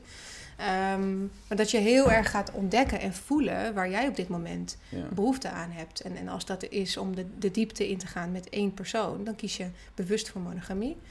Ehm, maar, maar durf ook eerlijk naar jezelf en je partner te erkennen als je eigenlijk andere behoeftes hebt. Als je voelt, ja, ik, ik, heb, ik heb nog zoveel te ontdekken, of ik heb mijn liefde ook met iemand anders te delen. Eh, ik heb iemand ontmoet waarbij ik denk, hé, hey, dit is een heel tof persoon waarmee ik wil uitzoeken welke dynamiek daar zit. En dat je dat ook durft te erkennen naar je partner, dat je dan zo'n vorm van relatie wil. Ja. Want er zijn zoveel Zijn er veel mensen? mogelijk. Zijn, er, zijn er veel relaties of waar dit eigenlijk een thema is, denk je, maar die het gewoon niet uitspreken naar elkaar? Ja, nou ja, ik denk ontzettend veel meer. Gelukkig wordt er steeds meer open over gesproken over alternatieve relatievormen. En er ligt daar steeds minder een, een taboe op, zeg maar. Ja. Ehm, maar er zijn ontzettend veel mensen die gewoon ja, uitgaan van monogamie. Want dat is wat ze hebben meegekregen. Ehm, en, en niet praten over de behoeftes die ze daarbuiten hebben. Uit angst vaak dus ook de ander te kwetsen. Terwijl inderdaad eh, het helemaal los kan staan. Ja. Maar daar moet je wel heel eerlijk over kunnen zijn. Dus dat vraagt wel echt een stukje zelfinzicht en zelfreflectie eh, en communicatieskills, vaardigheden. Communicatie is een belangrijke. Ja, hè? Ja. Ja. Volgens mij met alles. Communication is lubrication, zeg ik ook wel. Eh, Communicatie is gewoon hartstikke sexy. Als je juist weet wat je wel en niet wil en dat durft uit te spreken. Goeie. Waar moest je nou om lachen? Ja. Communication is lubrication. En je was, da- daar was je blijven hangen. Zo snel ga ik niet. Sorry. Oh. Ja, het is ontzettend sexy als je, als je weet wat je wil, toch? Mannen die, die zeggen dat ook vaak, dat ze het heel sexy vinden om, als een vrouw weet wat ze wil. Ja, Ja, dat... ehm, en dat dan ook nog eens durft uit te spreken en, en daarvoor te staan. Ja, Super opwindend juist. ja. Ja, dat denk ik... Dat vind ik ook wel, laat ik het zo zeggen. Ja, en dan is het ook makkelijker om, eh, ja, om als het ware te onderhandelen, al is dat niet helemaal het juiste woord, maar om gewoon openlijk te kunnen praten over, over je verlangens en je wensen en je grenzen. En als je bijvoorbeeld aangeeft dat je graag een trio zou willen of een meer open relatie, dat mag, dat mag je fantaseren. Daar mag je naar verlangen, daar mag je aan denken. Ehm, dus durf dat ook naar jezelf te erkennen en durf dat uit te spreken zonder de verwachting dat jouw partner dat ook wil. Maar dat je dan dus wel samen kan kijken van, nou ja, ik, ik, eh, Ja. ik heb hier interesse in of een verlangen naar. Speelt dat toevallig misschien bij jou Ja. ook? Is dat iets waar je open voor staat om in ieder geval over te praten? Dus als je het uitspreekt, betekent niet dat je twijfelt aan de relatie of de relatie niet oké vindt. Nee. Het is gewoon iets wat je hebt en Ja, en dat is natuurlijk wat wel, wat ja, wat, wat vaak gebeurt op het moment dat we horen dat onze partner eigenlijk andere verlangens heeft, dan klappen we gelijk dicht en denken we, oh, maar dan ben ik zeker niet goed genoeg. En uh, ik denk dat je dan juist heel trots mag zijn op het soort open relatie wat je dan dus kennelijk hebt. Dat je partner dat überhaupt durft te benoemen, in plaats van uh, het buiten de deur gewoon gaat Ja. zoeken. Ja. Maar dat je gaat kijken in, in elke fase van je relatie opnieuw, ja, wat past nu het beste bij ons? Waar heb ik behoefte aan? En hoe kunnen we dat vormgeven? ja, dus het kan ook veranderen, zeg je. Ja, ja, Ja. zeker. Ja, dat je met iemand een, een monogame relatie aangaat, wil niet zeggen dat je de rest van je leven monogaam wil blijven. Of, hè, of polyamoreus, dat je de rest van je leven of die relatie polyamoreus wil blijven. Polyamoreus is met meerdere, toch? Dat je... Ja, ja polyamoreus wil eigenlijk zeggen dat je eh, verliefd kan worden op meerdere mensen tegelijk en daar dan een relatie mee hebt. En een open relatie is, is nog is wat meer, ja, veronderstelt vaak net iets vrijer. Hoeft niet per se eh, te betekenen dat je ook echt verliefd bent op één iemand anders. Maar dat je het leuk vindt om Een af en toe vluggetje buiten te de deur maken, eh, te snoepen. Ja. de deur te snoeien. Even bij te klussen ergens. ja. We gaan het hebben... ja, en daar kun je ook allemaal verschillende afspraken over hebben. Dat je dat dan dat dat oké is en dat het toegestaan is, maar dat je er dan niet over praat met elkaar. Of dat je het elkaar vooraf juist wel vertelt en vraagt of het oké is. Ja. Of dat je juist alles tot aan de details met elkaar deelt. Eh, dus ja, ik denk dat het juist heel leuk is om te onderzoeken welke vorm het beste bij je past. Ja, Maar dat vraagt wel een stukje bewustzijn. Zo, Ja. ja. Nee, ik, ik, daar ga ik niet voor van een poly en nog wat. Nee, eh, maar dat is, dat is natuurlijk ook het lastige. Dat het, het, het is echt een, een zoektocht. En mensen die een polyamoreuze of open relatie hebben... worden al heel snel veroordeeld. Van, oh, ze kunnen niet kiezen, willen van twee balletjes eten... eh, willen niet de diepgang in. Ja. Terwijl het vaak juist wat ik zie eh, bij stellen die ik ken die polyamoreus zijn... is dat het echt wel hard work is om, eh om ja, dat lijkt me vreselijk hard werken. ja, joh. Want het is ook makkelijk om te zeggen: nee, ik wil het niet dat je met anderen. Dat is heel makkelijk om heel te zeggen. makkelijk. Een hele duidelijke zwart-witte lijn gewoon. Ja. Alleen, Ja. En vooral, en als je vreemd gaat, dan is dat, klaar. daar het gat van de deur. ja. En dat is natuurlijk zonde. Je, ja, vreemd gaan hoeft helemaal niet het einde van een relatie te betekenen. Zonde ook om in één keer dan alles weg te gooien. Maar natuurlijk is dan het Nee, kan dat vertrouwen- werken? Zeker, ja. Maar het vertrouwen is natuurlijk wel op dat moment geschaad. Vreemd gaan wil zeggen dat er een, een afspraak geschonden is. Ja. Dat één Wat iemand zorgt dat het gedaan. vertrouwen geschaad wordt en dat zorgt voor. Ja, dus dat vertrouwen dat moet dan wel natuurlijk weer opnieuw opgebouwd worden. Maar ik denk dat eh vreemdgaan juist ook een hele mooie ingang biedt in kijken van ja, maar waar, eh, waardoor breek je dat, hè, waardoor eh ja, hoe is het schend je die afspraak? Ja, ja, ja. Ja. welke behoeftes heb je dan dat je dat dan opzoekt? Ja. Ik denk dat er ehm, heel veel mensen daar niet aan toe komen op het moment dat de partner vreemd gaat zeggen zo oké, klaar. Ja, maar dat is vanuit pijn Ja. en emotie. Ja. Ja. We gaan het hebben over orgasmes. Oké, leuk. nee, je hebt een ehm, ehm, programma. challenge? Ja, de 21 daagse orgasme challenge. En als ik het goed begrijp, dan is het de bedoeling dat mensen 21 dagen geen orgasme hebben, toch? ja, jammer hè, in plaats van 21 dagen elke ja, dag elke dag klaarkomen. de Ja. 21. Oh, nee, maar ik ehm, ben vooral benieuwd. Nou, ik heb, ben nou wel meer dingen benieuwd. Daar ga ik ook allemaal vragen. Maar hoe is het ontstaan? Want wat zijn de problemen? Zijn er problemen? Waarom heb je die challenge ontwikkeld? Laat ik het zo zeggen. Ehm, ik heb die challenge ontwikkeld. eh, overigens is die niet revolutionair. Er zijn ontzettend veel van dergelijke challenges eh, die, die mensen en met name mannen uitdagen om een tijdje niet klaar te komen of een tijdje geen porno te kijken. Je hebt ook de hele no-fap-beweging natuurlijk. Dus het is niet revolutionair. Oh, Eh, maar ik heb hem wel ontwikkeld omdat ik het belangrijk vind om mensen een mogelijkheid te bieden eh, om een andere kijk op en beleving van seksualiteit te ontwikkelen. En dat hele prestatie- en doelgerichte eraf te halen. Want dat is natuurlijk wel ja, wat een orgasme is. Dat is vaak het einddoel. Van, en als, als er geen orgasme is, dan is de seks niet compleet. Of dan was het misschien zelfs geen seks. Ehm, en, en ik ben heel eh, nieuwsgierig naar wat er bij mensen gebeurt als ze dat er even helemaal van afhalen. En ook als ze porno buiten beschouwing laten. Want porno wordt ook vaak gebruikt om op opgewonden te raken. Ehm, daar is helemaal niks mis mee overigens. Maar experimenteer daar eens mee. Wat gebeurt er als je niet je fantasie door iets externs laat prikkelen, maar gewoon puur door je beleving in het moment met je partner, hier en nu. En in plaats van een mentale fantasie. Denk je dat dat moeilijker wordt? Als je heel vaak porno kijkt, dat dan opgewonden raken van het moment met je partner zijn, dat dat moeilijker wordt? Omdat je blootgesteld wordt aan steeds extremere dingen. Althans, ik spreek uit eigen ervaring. Ja? Als je, ja, als je, Oh, vroeger, als je vroeger porno kijkt, dan, Ja. nou, dan doe je dat op een gegeven moment regelmatig. En als je dan seks hebt met iemand, dan was dat lang niet zo gek en extreem. Als die vrouwen hebben allemaal enorme tieten en konten. En dan gaat allemaal alle kanten op. En zo is je dan er er weer daarna saai met iemand anders aan het seksen, zeg maar. Kan dat ook kwaad doen, zoveel porno kijken? Weer heel veel woorden om een hele simpele vraag te stellen. Kan het kwaad om porno te kijken? dat doen mensen vaak als ze een onderwerp eh lastig ja, je ziet hem ook bewegen.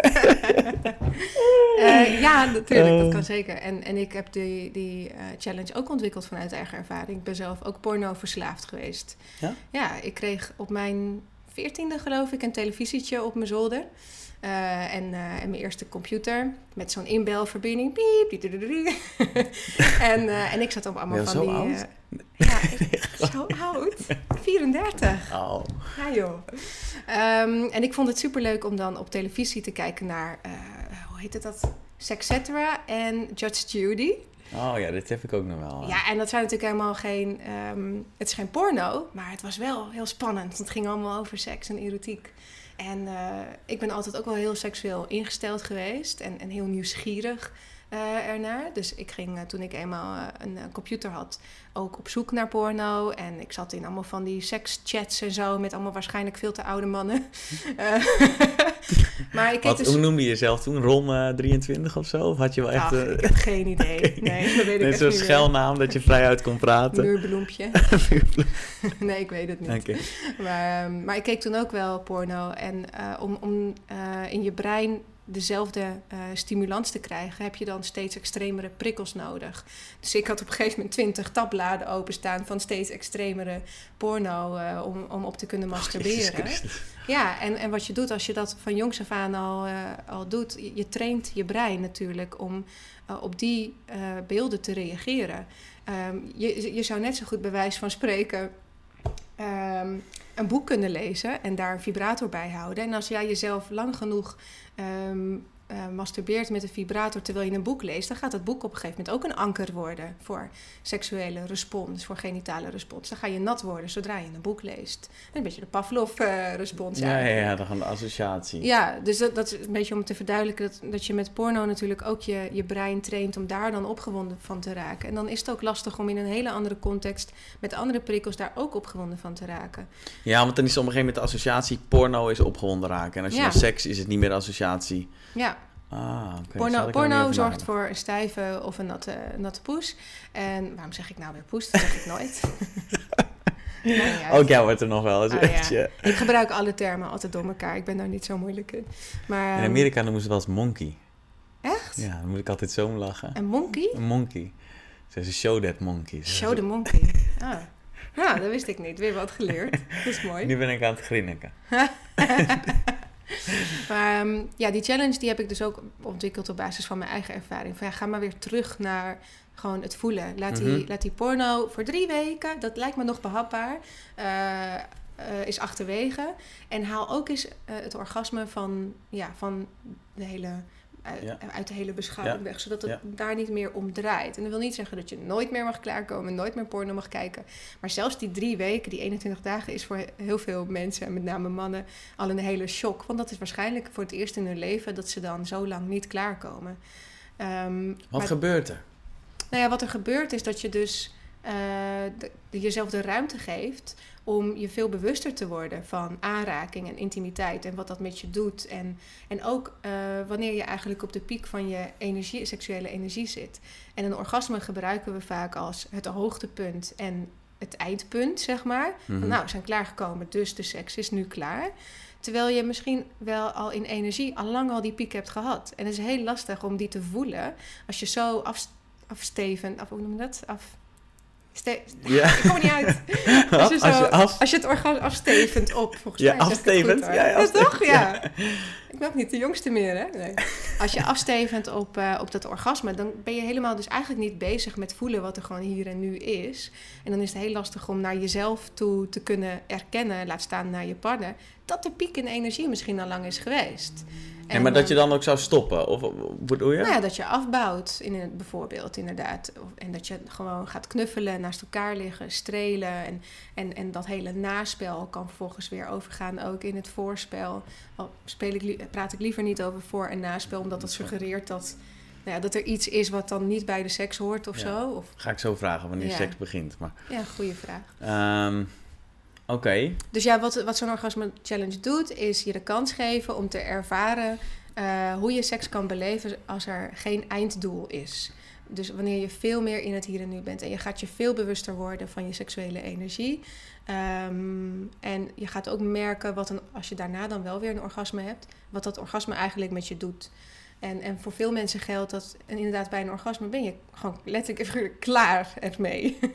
Ga je slapen, douchen, je begint aan de dag. De energie is gewoon echt weg. En, en dat is ook niet zo, niet zo gek, want biologisch gezien, nou ja, is de functie van seks dan volbracht eigenlijk. hè? Ja, want de, de, de lood is erin geschoten, dus dat is voorplantingsmogelijk gemaakt. En dan kun je weer doorgaan met... Naar de volgende. Ja, naar de volgende. ja, exact. Ja, nou, dat is natuurlijk een beetje de, de, de biologische verklaring. Mannen moeten hun zaad verspreiden. Ik weet niet of ik het daar helemaal mee eens ben.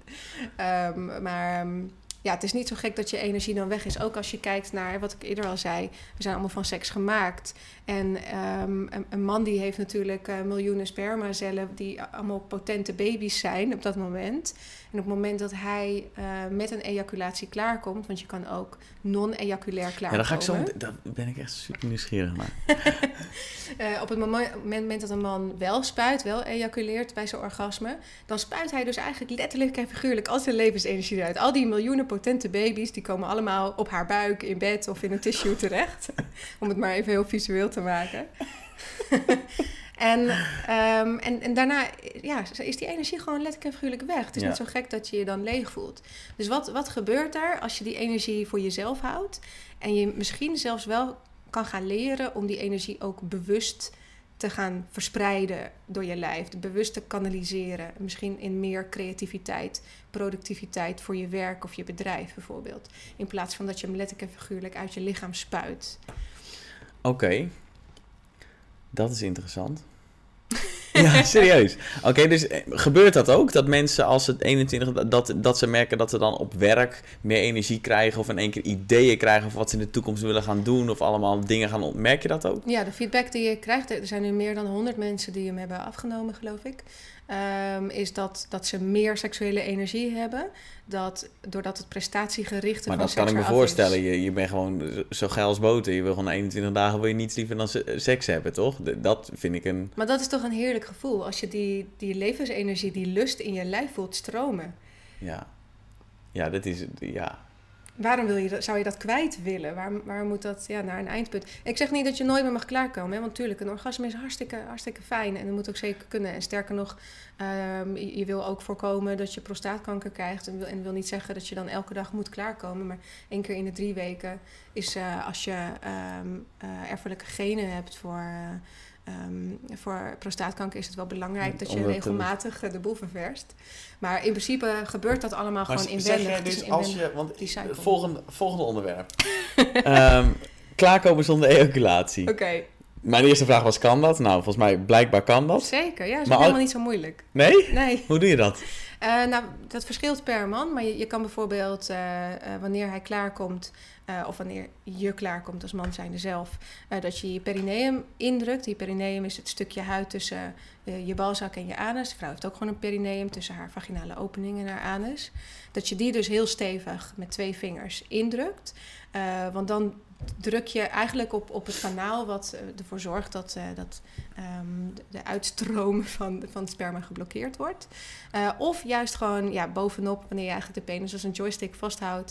en dat je eigenlijk gewoon heel simpel. eh ja, oh, dat kan ik wel. Ik heb blokkeert. wel, ik heb wel computerspelletjes gespeeld. Maar betekent dat vervolgens wel dat je er klaar mee bent? Je, je zal merken dat je wel meer energie overhoudt. Dus Ja. dan zou je nog door kunnen, Ja. sneller door kunnen gaan. Dat het makkelijker is om, ja, het is makkelijker om je seksuele energie op dat moment te behouden en, en nog gewoon zin te hebben eh, Nee, in je partner. Ja.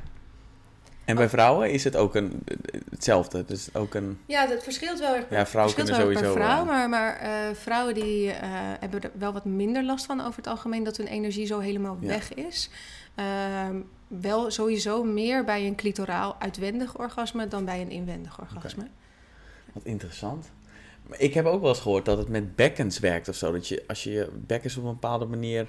dat je dan ook kan leren om te, klaar te komen zonder te spuiten, zeg maar. Ja, ja dat, daar zijn, dat zijn meer gevorderde technieken eigenlijk. Als je echt meer gaat werken met je bekkenbodemspieren en met je ademhaling, dan kun je op een hele andere, meer, ja, meer bewuste en innerlijke manier eigenlijk voorkomen dat je ejaculeert bij een orgasme. En je kunt ook natuurlijk leren om gewoon andere soorten orgasmen te hebben. Er is veel meer dan de genitale nies, eh, zoals ik het ook wel eens noem. Is dat een bruggetje naar tantra of niet? Kan, ja hoor. Wil je daarheen? Ja. ja, wat wil je daarover weten? Nou ja, wat is het? Want ik, ik weet er... Nou goed, ik weet er niks van. Maar ik weet wel dat het... Het, intrigeert me wel, zeg maar. ja. Wat is het eigenlijk? Als je het Ehm, eh, nou ja, kort nou ja, uit zou moeten leggen. Tantra is een, wat ik in het begin ook al een beetje zei, een duizenden jaar oude ehm, religieuze of spirituele sorry, traditie. Eh, die ervan uitgaat dat eh, seksualiteit onze levensenergie, onze, onze meest basale levenskracht. En dat je die dus ook bewust kunt leren aanwenden, cultiveren, circuleren in je lichaam. Om eh, momenten van verlichting te hebben. Dus waar andere spirituele tradities geloven dat je eigenlijk leven na leven moet reïncarneren om steeds meer wijsheid op te doen. En uiteindelijk misschien ooit de staat van verlichting te bereiken. Gelooft Tantra dat je gewoon in dit leven, met gebruik van je seksuele energie, al momenten van verlichting kan hebben. En hoe ehm, verschilt dit van gewoon mediteren en daaruit, vanuit daar verlichting krijgen? Dat ik- mensen- Verlichting is natuurlijk sowieso een heel erg abstract concept. Hè? Dus wie bepaalt dat je verlicht bent? Ja, wat is het eigenlijk? Wat maar is wat is het voor tantra, verlichting? Ja, voor Tantra gaat het, gaat het veel meer over het soort van overstijgen eh, van het ego. En een, een hele diepe, intense ja voelen naar het leven. wil niet zeggen dat je geen grenzen meer hebt en dat alles maar oké is. Maar wel dat je heel sterk voelt dat alles wat er is er gewoon mag zijn. En niks veroordeelt. Dat je gevoelens, gedachten, Maar emoties het heeft wel overlap met eh, de meditatieve stroming. I don't know. Ja, er is ontzettend veel overlap tussen. Tantra, yoga, meditatie, mindfulness. eh, ja, die bedoel ik. Eigenlijk allerlei leringen die je vindt als het gaat over persoonlijke ontwikkeling, en groei en hè, dus een beetje die zoektocht naar verlichting en het overstijgen van het ego. Dat is eigenlijk allemaal hetzelfde met net een ander, een andere Ja, ik merk het sowieso wel in, taal. in het interview dat je heel vaak hier in het nu zijn en voelen en zo. Dat heeft allemaal wel. Dat zijn allemaal wel hele. Dat zijn dingen waar ik bekend mee ben. Vanuit mindfulness en meditatie en Ja. dat soort. eh, Ja. ja, heel veel van wat ik doe is ook geïnspireerd op tantra. Maar ik gebruik het hele vakjargon, eh, zeg maar, niet, zo, niet Nee. zover meer. Omdat het mensen ook kan afschrikken en omdat kan je er ook in een bepaald hokje mee komt. Terwijl inderdaad al die eh, persoonlijke ontwikkelingsleringen hebben eigenlijk zoveel overlap. Het draait eigenlijk allemaal om hetzelfde. Maar het is maar net ja, bij welke community wil je horen, welke taal wil je spreken, Ja. wat, ja, Oké. welke vorm. En wat kan het voordeel zijn van tantra? Want ik heb wel eens gehoord dat je dan urenlange orgasmes kan hebben en zo. En dat het Klaar kan komen zonder elkaar aan te raken. Zonder elkaar aan te raken en zo. Ja, dat soort. Ik weet echt niet wat daarvan waar is, maar Ja, nou ja, er zit in alles wel een, een, een bepaalde kern van waarheid. Eh, je vraag is, wat kun je met tantra, hè? ja. Zijn dat soort dingen. Ja, ik probeer. Ik ben gewoon heel benieuwd wat het nou. Wat kan je ermee? Ja, eh, het is niet iets wat je een keer doet. Ik vind dat het heel grappig als mensen zeggen: Oh ja, ik wil ook een keer Tantra doen. Want Tantra is echt wel in wezen een spiritueel pad. Net zoals al die andere dingen. Je, je gaat niet een keertje een yogales volgen in de sportschool. Dat maakt jou nog niet een yogini. En, en ja, het zijn allemaal leringen die wel van je vragen dat je een bepaald pad volgt. Wat heel erg gaat over jouw individuele persoonlijke ontwikkeling. Dus ehm, ja, je kan het tantra een keer doen, maar of je daar dan heel veel uithaalt, weet ik niet. En in het Westen wordt tantra sowieso heel erg geassocieerd met seksualiteit, terwijl dat eigenlijk maar een heel klein aspect is van, Van het... de originele spirituele traditie. Maar die vinden we in het Westen natuurlijk het Laat ik, hem ander, laat ik hem anders stellen. Wat brengt het jou? Ehm, het geeft mij de ruimte om, ehm, ja, om dieper te voelen en ehm, om alles wat ik daarin tegenkom niet te veroordelen. Dat alles er gewoon kan zijn. Dus dat haalt ook inderdaad dan eigenlijk weer heel veel schaamte weg. eh, zelfveroordeling.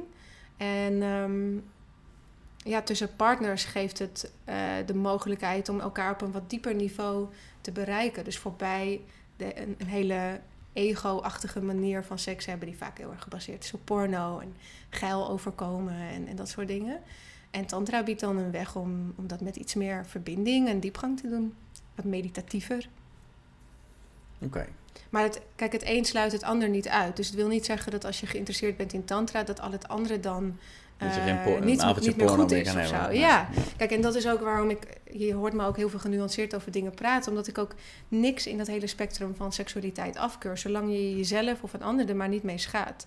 En wat ik merkte in echt de hardcore eh, tantra communities... is dat er eigenlijk ook wel heel veel veroordeling is... naar wat Ja. niet spiritueel of tantrisch is. Ja. En dat lijkt me nou juist net niet vrij eigenlijk. Maar dat is in alle ehm, communities, heb, heb je in de veganistische community heb je ook. Als je niet veganist bent, dan ben je, eh, stel je niks voor, dan ben je echt een fucking loser. Dat is met, ja, maar serieus, met heel veel...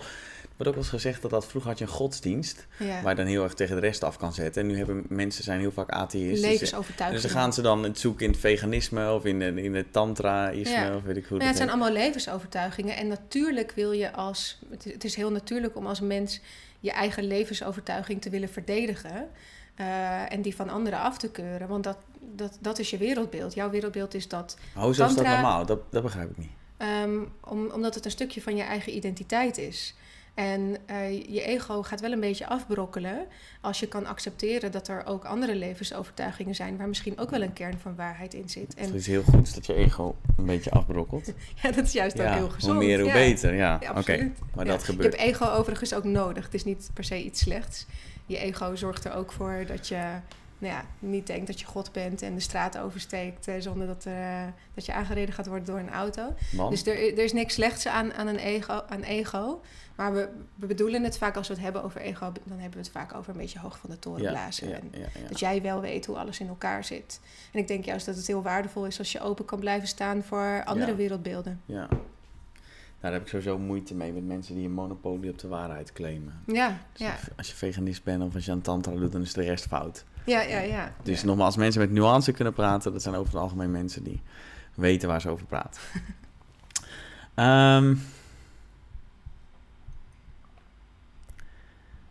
ja, wanneer begint seks? Dat vind ik ook een interessante. Daar hoor ik ook heel veel verschillende verhalen over. Wanneer begint volgens jou seks? Ik denk dat veel mensen denken dat het begint op het moment dat je je kleren uittrekt en in bed ligt. Is dat ook zo? Ik denk dat eh, seks begint bij de eerste seksuele prikkeling. Ehm, en dat kan al zijn een, eh, een bepaald appje van je lover eh, die jou opwint, die jou een bepaalde seksuele prikkeling geeft. Ehm, eh, die zorgt voor anticipatie, omdat je weet dat als je partner thuis komt, dat je dan wilde seks gaat hebben. Dus ja, het begint denk ik bij de eerste prikkeling. En, ehm, en mensen denken vaak dat libido of seksdrijf of zin in seks, dat dat er gewoon van nature hoort te zijn. Ehm, maar dat is niet zo. En dat is al helemaal niet zo in een meer stabiele of langdurige relatie of als je samenwoont. Dan heb je seksuele prikkeling nodig Mhm. om opgewonden te raken. Is Daar het- begint seks. Is het vaak zo dat hoe meer seksuele prikkelingen, hoe beter de seks wordt? Ik denk dat je. Ja, dat ligt voor de hand eigenlijk, hè? Oké, ja, is. Ja, ja, dat denk ik wel. Ik bedoel, als je, als je die levensenergie, om het daar maar weer over te hebben, als je die energie levendig houdt, dan gaat die ook meer stromen. Dan is die ook intenser aanwezig. Oké, dus. Als, er, als, als je een hele week lang in de waan van de dag leeft en er geen enkele seksuele prikkeling of toespeling eh, naar elkaar is, dan, dan is het ook behoorlijk switchen als je dan één keer in de week weer seks gaat hebben.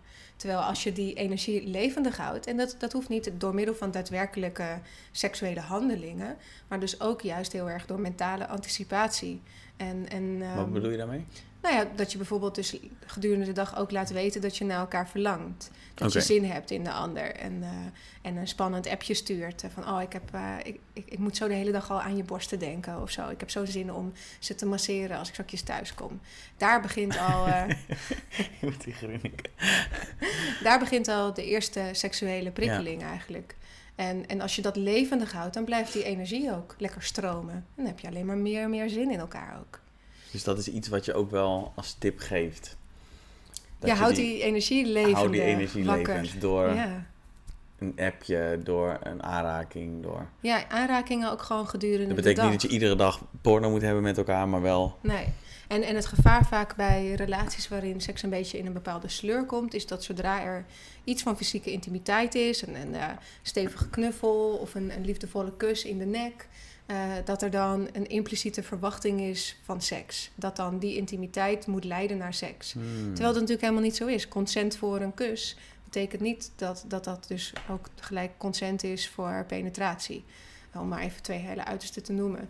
Dus ehm, Maar ik kan me wel voorstellen dat die kus in de nek ervoor zorgt dat een man opgewonden raakt. mhm. En dat de intentie van de vrouw niet is om dan seks te maken, maar dat je Of wel... van hem, natuurlijk. Hoeft ook ja, niet andersom. Nee, Ja. andersom. Maar, Maar, maar het ik trek probleem het is... even op mezelf. Ja. het is altijd goed om uit ervaring te praten. Nee, maar de- de- er is vaak wel waar in, als intimiteit niet heel erg aanwezig is van nature in een relatie. Gewoon dagelijkse aanrakingen en, en eh, opwindende blikken naar elkaar of woorden. Het is net wat, je, wat je liefdestaal is en jouw persoonlijke toegangsweg tot op- opwinding. Welke prikkels jij nodig hebt.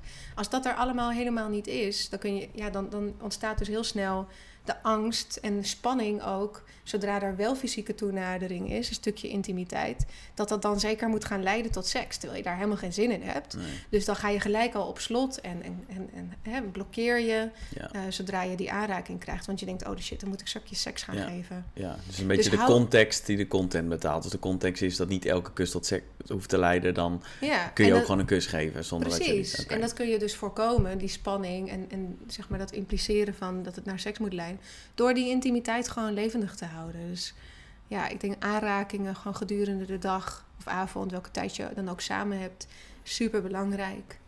Ja, dat je laat weten dat je de ander aantrekkelijk vindt, zin hebt. ehm, en ook gewoon voor je eh, verantwoording neemt voor je eigen seksualiteit en seksuele energie. En, en die niet afhankelijk maakt van de ander. Dat de ander er iets mee moet doen als jij opgewonden bent. Oké. En dat vertaalt zich naar... dus verantwoordelijkheden voor, voor je eigen seksualiteit. En dan... Dus jij hebt zin dat je dan niet gelijk verwacht van je partner... dat hij, hij of zij ook met je Ja, meegaat. ja, precies. En er zijn toch nog steeds wel heel veel meisjes en vrouwen die denken... eh, en dat komt dus ook bijvoorbeeld weer terug in zo'n boek als dat van Jamie Lee. Ook al schrijft ze het misschien allemaal heel grappig. Kijk, ik heb me hier niet heel... eh, Wie is Jamie Lee? Een vlogger. Aan het begin hadden we nog zo'n leuk gesprek over... ja, maar wat doen vloggers eigenlijk nou precies? Oké, maar die vloggers schrijven ook boeken. Ja, zij is, een- nee, zij is een vlogger en eh, zij werkt geloof ik veel met, met fashion en, en dat soort dingen. Ik ken, ik ken haar niet, want ik volg haar niet. Maar ze heeft een boek uitgebracht, Sexy But Tired But Sexy. Super leuk Zo titel. sexy. Sexy But Tired But Sexy. En nu maak ik weer reclame voor iets waar ik helemaal niet achter sta, verdorie. Nee, maar dan zullen we Maar- het... Ik heb wel... Kijk, als, we, als ik hoor vlogger en een boek schrijven... dan gaan bij mij al de... Dus ik, ik denk dat ze heel ongenuanceerd domme dingen heeft gezegd. Maar wat, Nou ja, wat daar bijvoorbeeld dus in staat, is dat als dat mannen nou eenmaal hun zaad kwijt moeten en dat als zij zin hebben in seks en jij niet, dan moet je maar zin maken, want het is belangrijk dat je je relatie op die manier Nee, goed houdt. Nee, inderdaad, nee, gewoon echt een dikke heeft nee. dat, staat dat er echt in? Ja, dat staat er echt in. Christus. En ze schrijft het allemaal heel erg grappig, maar, maar er zit natuurlijk wel een kern van waarheid in. En het verdrietige is dat dat kennelijk haar wereldbeeld is. Ja. En dat geldt dus voor heel veel meisjes en vrouwen die denken van... oh, mijn partner heeft een erectie, dus ik heb nu de taak of verantwoordelijkheid daar iets mee te doen. Van, of, of dus we moeten nu seks gaan hebben. Terwijl dat hij opgewonden is, eh, wil niet eens zeggen dat hij überhaupt zelf verwacht dat er seks is. Hij mag toch ook gewoon opgewonden zijn en een stijve zijn. penis hebben Ja. en daar gewoon van genieten. Genieten van, van zijn energie, van zijn verlangen. En, eh, en bovendien hebben we ook nog eens genitale responsen soms. Hè? Dus een vrouw die nat wordt of een man die erect wordt zonder dat er per se echt zin in seks is. Maar gewoon een, het is gewoon een lichamelijke reactie soms ook. Ja, maar het is toch eigenlijk veel verdrietiger dat zij een boek uit kan brengen met dat soort teksten en dat wij hier dan nu over zitten te praten. Ja, er is wat hele maakt- ophef over geweest in de Ja, media. nou, hè? voor haar prima, hè? Ja, Want eh, is- verdien, alleen maar meer mensen gaan dat boek lezen. En Ja, nou ja, op een boek verdien je over het algemeen niet zo heel erg veel. Ja, maar buiten de, of ze verdient of niet. Het, eh, er zijn gewoon kinderen van, van 15 die Ja. dat lezen en die dat als normaal. eh, daar zit toch het probleem. Ja, absoluut. Al wordt ze ja, ja. miljonair van, succes ermee met het geld. Ja. Maar er zijn dus hele jonge kinderen die dat lezen. Als een man zin heeft, dan moet ik. Moet ik uh, zijn zaadcontainer zijn. Ja, ja dit is ook, er is ook terecht een hele ophef over geweest. En, en dat is, maar ja, de ophef was, dit kan niet? Of dit wat? kan je niet schrijven, ja. En, en, er zijn um, ook BN'ers, die, die hebben daar iets over geschreven dan op Twitter. Nou, ik ben vervolgens ook geïnterviewd voor shownieuws daarover. Ja, ja. En, uh, en de kritiek daarop is ook allemaal heel erg terecht. En de, de grootste fout die ze eigenlijk gemaakt heeft, is dat ze het boek heeft geschreven voor haar leeftijdsgenoten, voor dertigers. Die ook allemaal in de fase zitten van carrière maken, uh, zwangerschap, langdurige relatie. Terwijl het gros van haar uh, volgers, en dat is meestal natuurlijk zo bij YouTubers en vloggers, uh, is, is, zijn pubers, zijn gewoon pubermeisjes. Is zij 30? En die krijgen, ja, ze is wel geloof ik 30, 31, zoiets. En al die meisjes, die krijgen dus nog steeds die, die hele oude stereotyperende boodschap mee van... Uh, mannen hebben meer zin in seks en vrouwen moeten daar dan aan voldoen, want ja, ze kunnen er ook niks aan doen. Het staat er letterlijk in, ze kunnen er niks aan doen.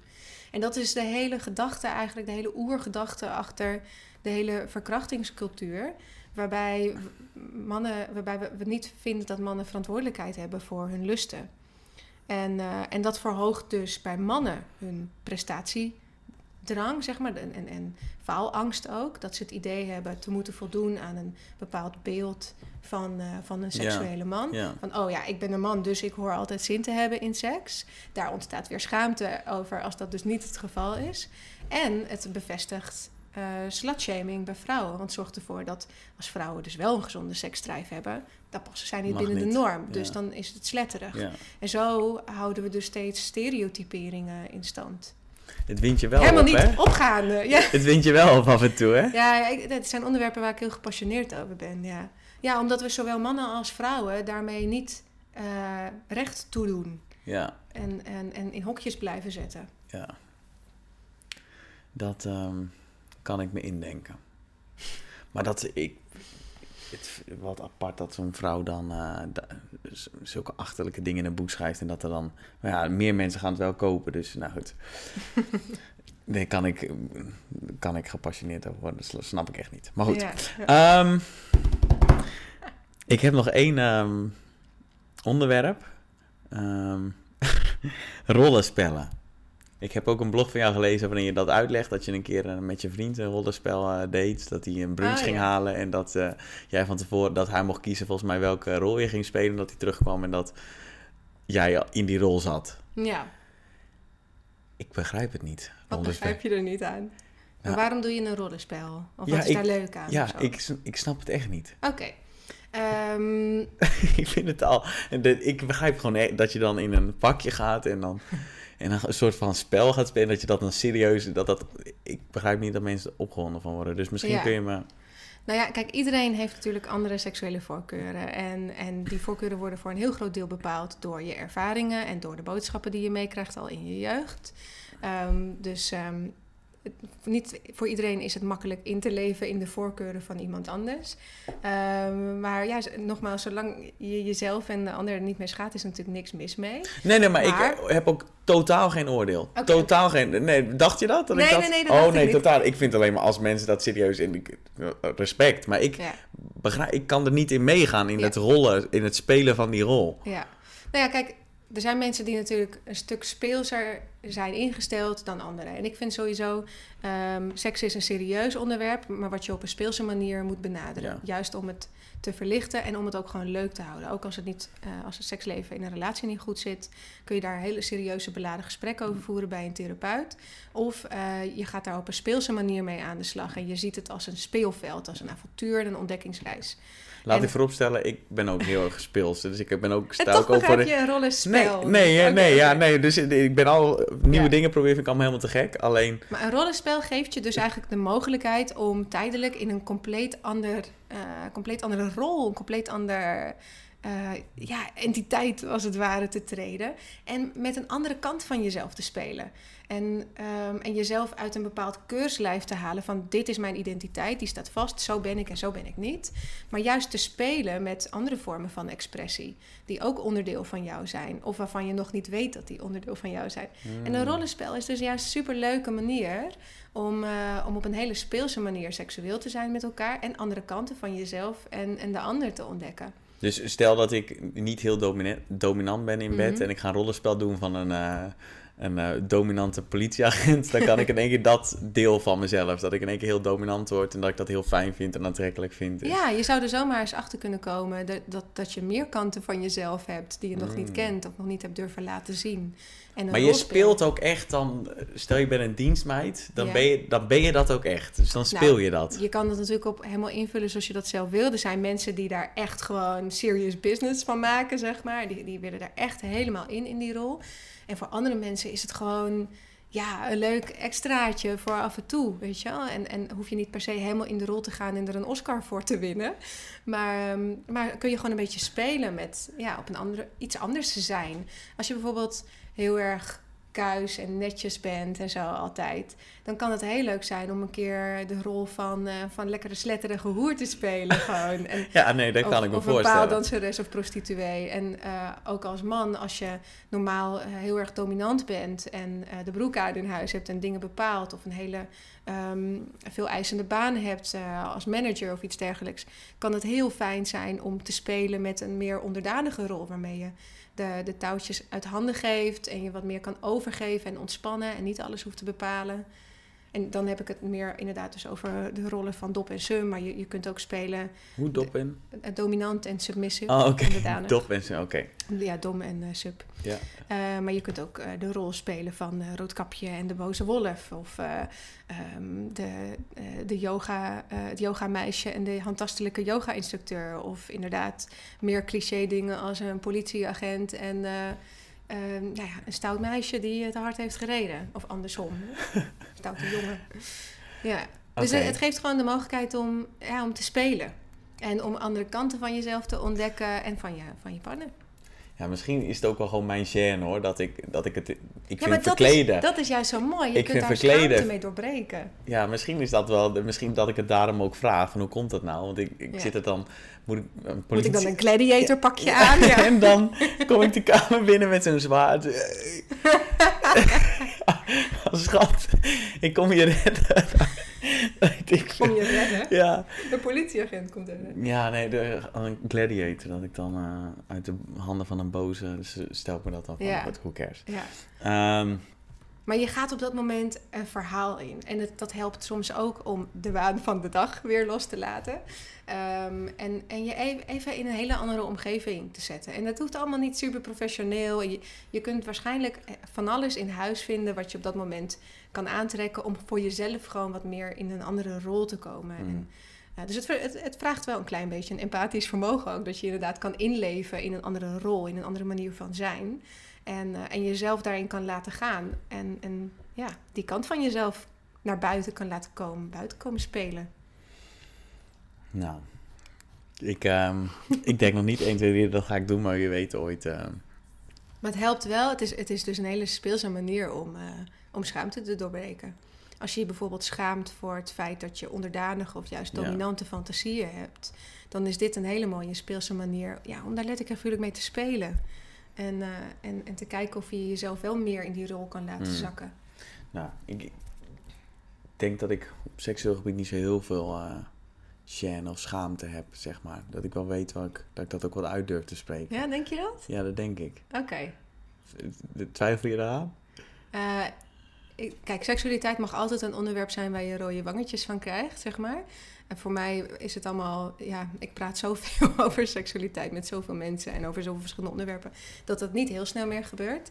Maar ik denk wel dat als je nog heel erg veel grinnikt en, en dat, ja, dat er nog wel plekken zijn om te ontdekken. En om een stukje, ja? ja? om een stukje schaamte ergens over, of, of ja, taboes, of om daar los te gaan laten. En wil niet zeggen dat het dan allemaal heel zwaar en beladen is, hè? Maar het zijn wel eh, openingen voor nog meer vrijheid, denk ik. Maar eh, oké, dus het feit dat ik grinnik af en toe, dat het onderwerp betekent dat er nog dingetjes... Ik weet wel bijvoorbeeld, dat is één ding wat ik... ehm, ehm, zit bij mij vroeger als in mijn vriendengroep, als je een Mhm. meisje leuk vond, die sprak dat uit, dan zei iedereen van, "Eh, haar leuk? Dat was raar gevonden. Dus voor mij is het heel lang een thema geweest dat ik niet uit durfde te spreken aan iemand of aan anderen van, nou, die persoon vind ik leuk. Mhm. Als ik die persoon leuk vond, dan zei ik van, nou, weet je wel, dan durfde ik dat niet uit te spreken. Dat was een. Maar op een gegeven moment dacht ik, ja, ik heb daar niks aan wat te doen en het boeit me ook geen reet wat de rest ervan vindt. Dus ik vertel het gewoon. Ik, maar die is wel weg nu, maar ik wist dat dat een thema was. Maar op seksueel gebied, ja, misschien dat er nog dingen zijn. Maar ik heb het idee dat het bij mij wel... eh, dat ik dat allemaal al weet. Ja, dat je het allemaal daar- al wel weet? Nee, dat ik... Dat ik nee, nee. Oké, de nuance. Dat ik, dat, er wein, dat ik geen plekken weet op dit moment waar Ja. ik... ehm gêne... Dat ik niet uit durf te spreken dat daar schaamte zit, laat ik het Ja. zo zeggen. Maar het hoeft ook niet per se te maken te hebben met erover durven praten. Maar het kan ook zijn hè, dat er gêne zit op het erkennen van bepaalde ervaringen die je hebt gehad, of een gebrek aan ervaringen, of bepaalde fantasieën die je hebt, of het soort porno wat je kijkt. eh. En eh, weet je, je hoeft ook niet compleet schaamteloos te zijn. En dat is natuurlijk wel waar ik het vaak over heb. Ik heb het over schaamteloosheid. Maar het gaat meer over de zoektocht naar schaamteloosheid. En de zoektocht naar waar zit schaamte en waar zorgt dat voor ja, blokkeren in mijn seksualiteit? Waar kan ik nog vrijer zijn? Waar kan ik nog speelser zijn? Waar kan ik nog meer genieten van seksualiteit? Dus het gaat meer over de reis naar schaamteloosheid en al die subtiele laagjes van schaamte afpellen. En ik denk dat als je eh, ja, heel stellig zegt: eh, Ik denk dat ik het allemaal wel weet. Ja, ik wou net zeggen. Dus als, als je iemand hoort zeggen, dan denk, dan denk je... Dan nou, denk mannetje, er zit nog wel genoeg eh, om te ontdekken. Ja, maar ik denk dat het zonde is als je jezelf dus eigenlijk vastzet. Want ik denk ook niet dat ik alles al weet en dat ik compleet schaamteloos ben. Ik heb ook nog ehm, mijn subtiele laagjes van schaamte her en der. Ik praat ook niet over alles met iedereen altijd heel open. Ehm, maar ik denk juist dat ja, als je heel stellig zegt van... nou ja, ik heb echt geen schaamte en eh, het is geen taboe. Laat Ik ik praat het, Oké, laat ik hem nuanceren. Maar ik, ondervind geen, jou, hè? ik ondervind op dit moment geen vorm van schaamte. Misschien Nee. zoek ik het dan ook niet op. Oké, maar jij zegt om het even algemeen te maken, want anders betekent het weer om mezelf. Nou ja, je, op, op- kijk, het maakt niet uit wat je tegen mij zegt en of het wel of niet waar is. Maar het gaat erom, denk ik, dat je voor jezelf ook open blijft. Van oké, kan ik hierin open blijven? Kan ik, hier, kan ik nog meer mezelf ontdekken? Ja. Eh, want dan, dan hou je dat speelveld, die ontdekkingsreis, hou je dan. Ja, het is heel arrogant om te zeggen dat je uitgeleerd bent. Dat, ik zit hier ook om te leren, hè? dus het is goed, Ja, dat je dit, eh, ja. goed dat je dit tegen me zegt. Maar je bent niet de enige natuurlijk. Hè? Ik, ho- ik hoor het heel vaak van, oh ja, maar ik heb nergens meer een taboe of ik durf overal over te praten. Dan denk ik, nou zonde dat je jezelf zo vastzet. Want ja, er is vast nog een heel groot onontgonnen gebied. Ik bedoel, wat ik allemaal heb gezien en meegemaakt eh, op, op seksueel gebied, dan denk ik dat, dat vast niet iedereen dat allemaal al heeft gezien en meegemaakt. Oké, maar eh, dat is wel interessant. Dus zet want jezelf zegt- niet vast, hè? durf open te blijven. Nee, Dat is- maar dit is wat, anders dan. ehm, jij zegt van oké, ik heb allemaal dingen meegemaakt die anderen niet hebben meegemaakt. Dus wel de assumptie dat andere mensen daar ook behoefte aan hebben. Nee, nee, nee. Ik bedoel meer te zeggen, eh, durf open te blijven Oh, naar wat je misschien nog niet weet. Of waar, ja, waar je het hele bestaan van niet kent. Want er zijn hele ja, subculturen en niet alleen op seksueel gebied, maar je hebt allerlei gebieden in het Jij leven, zegt, hè? je weet, je weet niet eens wat je niet weet, zeg maar. Ja, ja durf, te erkennen dat je, dat je misschien eigenlijk niks weet. Hmm. Ik, ik weet het ook allemaal niet. Ik doe ook allemaal maar wat Nee, eigenlijk. die, d- dat zeg ik tegen iedereen, dat ik geen idee heb. Ja. Ja. ja, dat is denk ik je mooiste startpunt om, eh, om open te blijven en te leren. Nou, wie weet zijn er nog dingen waar ik... eh, Ehm, waar kunnen mensen jou online vinden? Eh, op mijn website, mendironda.com, Facebook profiel en pagina Mendironda. Gewoon Instagram Mendironda. Alles met Nieuwsbrief, alles is gewoon Twitter, LinkedIn. eh, ja, Ja, dan- je noemde je nieuwsbrief Hotmail. Moest Mhm. ik zo om lachen. ja ik, ik speel elke keer met een andere titel. Ik heb het Nee, ook al houden deze. deze... Nieuwsbrief en sexy mail en nou is het hotmail en Ja, het ik, zou hot, ik moest echt lachen. Vond je leuk? Ja, ik moest lachen. Moet je houden zo. Oké. Laatste vraag. Wat is jouw ehm, definitie van een goed leven? Mijn persoonlijke definitie van een goed leven ja. eh, is dat ik gewoon bezig ben met mijn passies, met waar ik in geloof. En, eh, en dat, ik, eh, ehm, dat ik in het blijven werken aan mijn passies en mijn missie en mijn ambitie niet vergeet om ook gewoon in het hier en nu te zijn en dingen te relativeren en gewoon te genieten van wat er al is. Ja. Want dat vind ik wel een uitdaging ook. In het nu zijn? Ja, ja soms wel. Ja, ik ben met name het laatste jaar veel doelgerichter bezig met, eh, met mijn bedrijf. Eh, In mijn hoofd ben ik eh, al, al acht jaar, tien jaar bezig met wat ik doe. En dat is ook zeg maar, in de praktijk wel zo. Maar ik ben het eigenlijk pas echt serieuzer gaan nemen in het laatste jaar. Omdat ik gewoon meer mensen wil bereiken. Omdat ik mijn passie en mijn missie sterker voel worden. En, ehm, en in, in het ja, heel erg bezig zijn met ehm, met mijn onderneming vergeet ik zelf soms ook om stil te staan en gewoon te genieten en te zakken in mijn lijf en uh, intiem te zijn met mijn partner. Dus ook voor mij is dat een, uh, is dat een zoektocht. Het advies is ook altijd naar jezelf toe. Ja, absoluut. Ja, ik denk sowieso ook vaak dat wat we willen onderwijzen aan anderen, dat we daar zelf ook nog heel veel in te leren hebben. Ja. Eens. Mindy Ronda, dankjewel. dankjewel. Graag gedaan. Dat was hem weer. Ik hoop dat jij, net als ik, weer een hoop geleerd hebt, nieuwe inzichten hebt gekregen. Of op wat voor manier dan ook de aflevering een beetje leuk vond. Als je dat vond, vergeet je dan niet te abonneren. Tot de volgende keer. Doei, doei, doei, doei, doei, doei.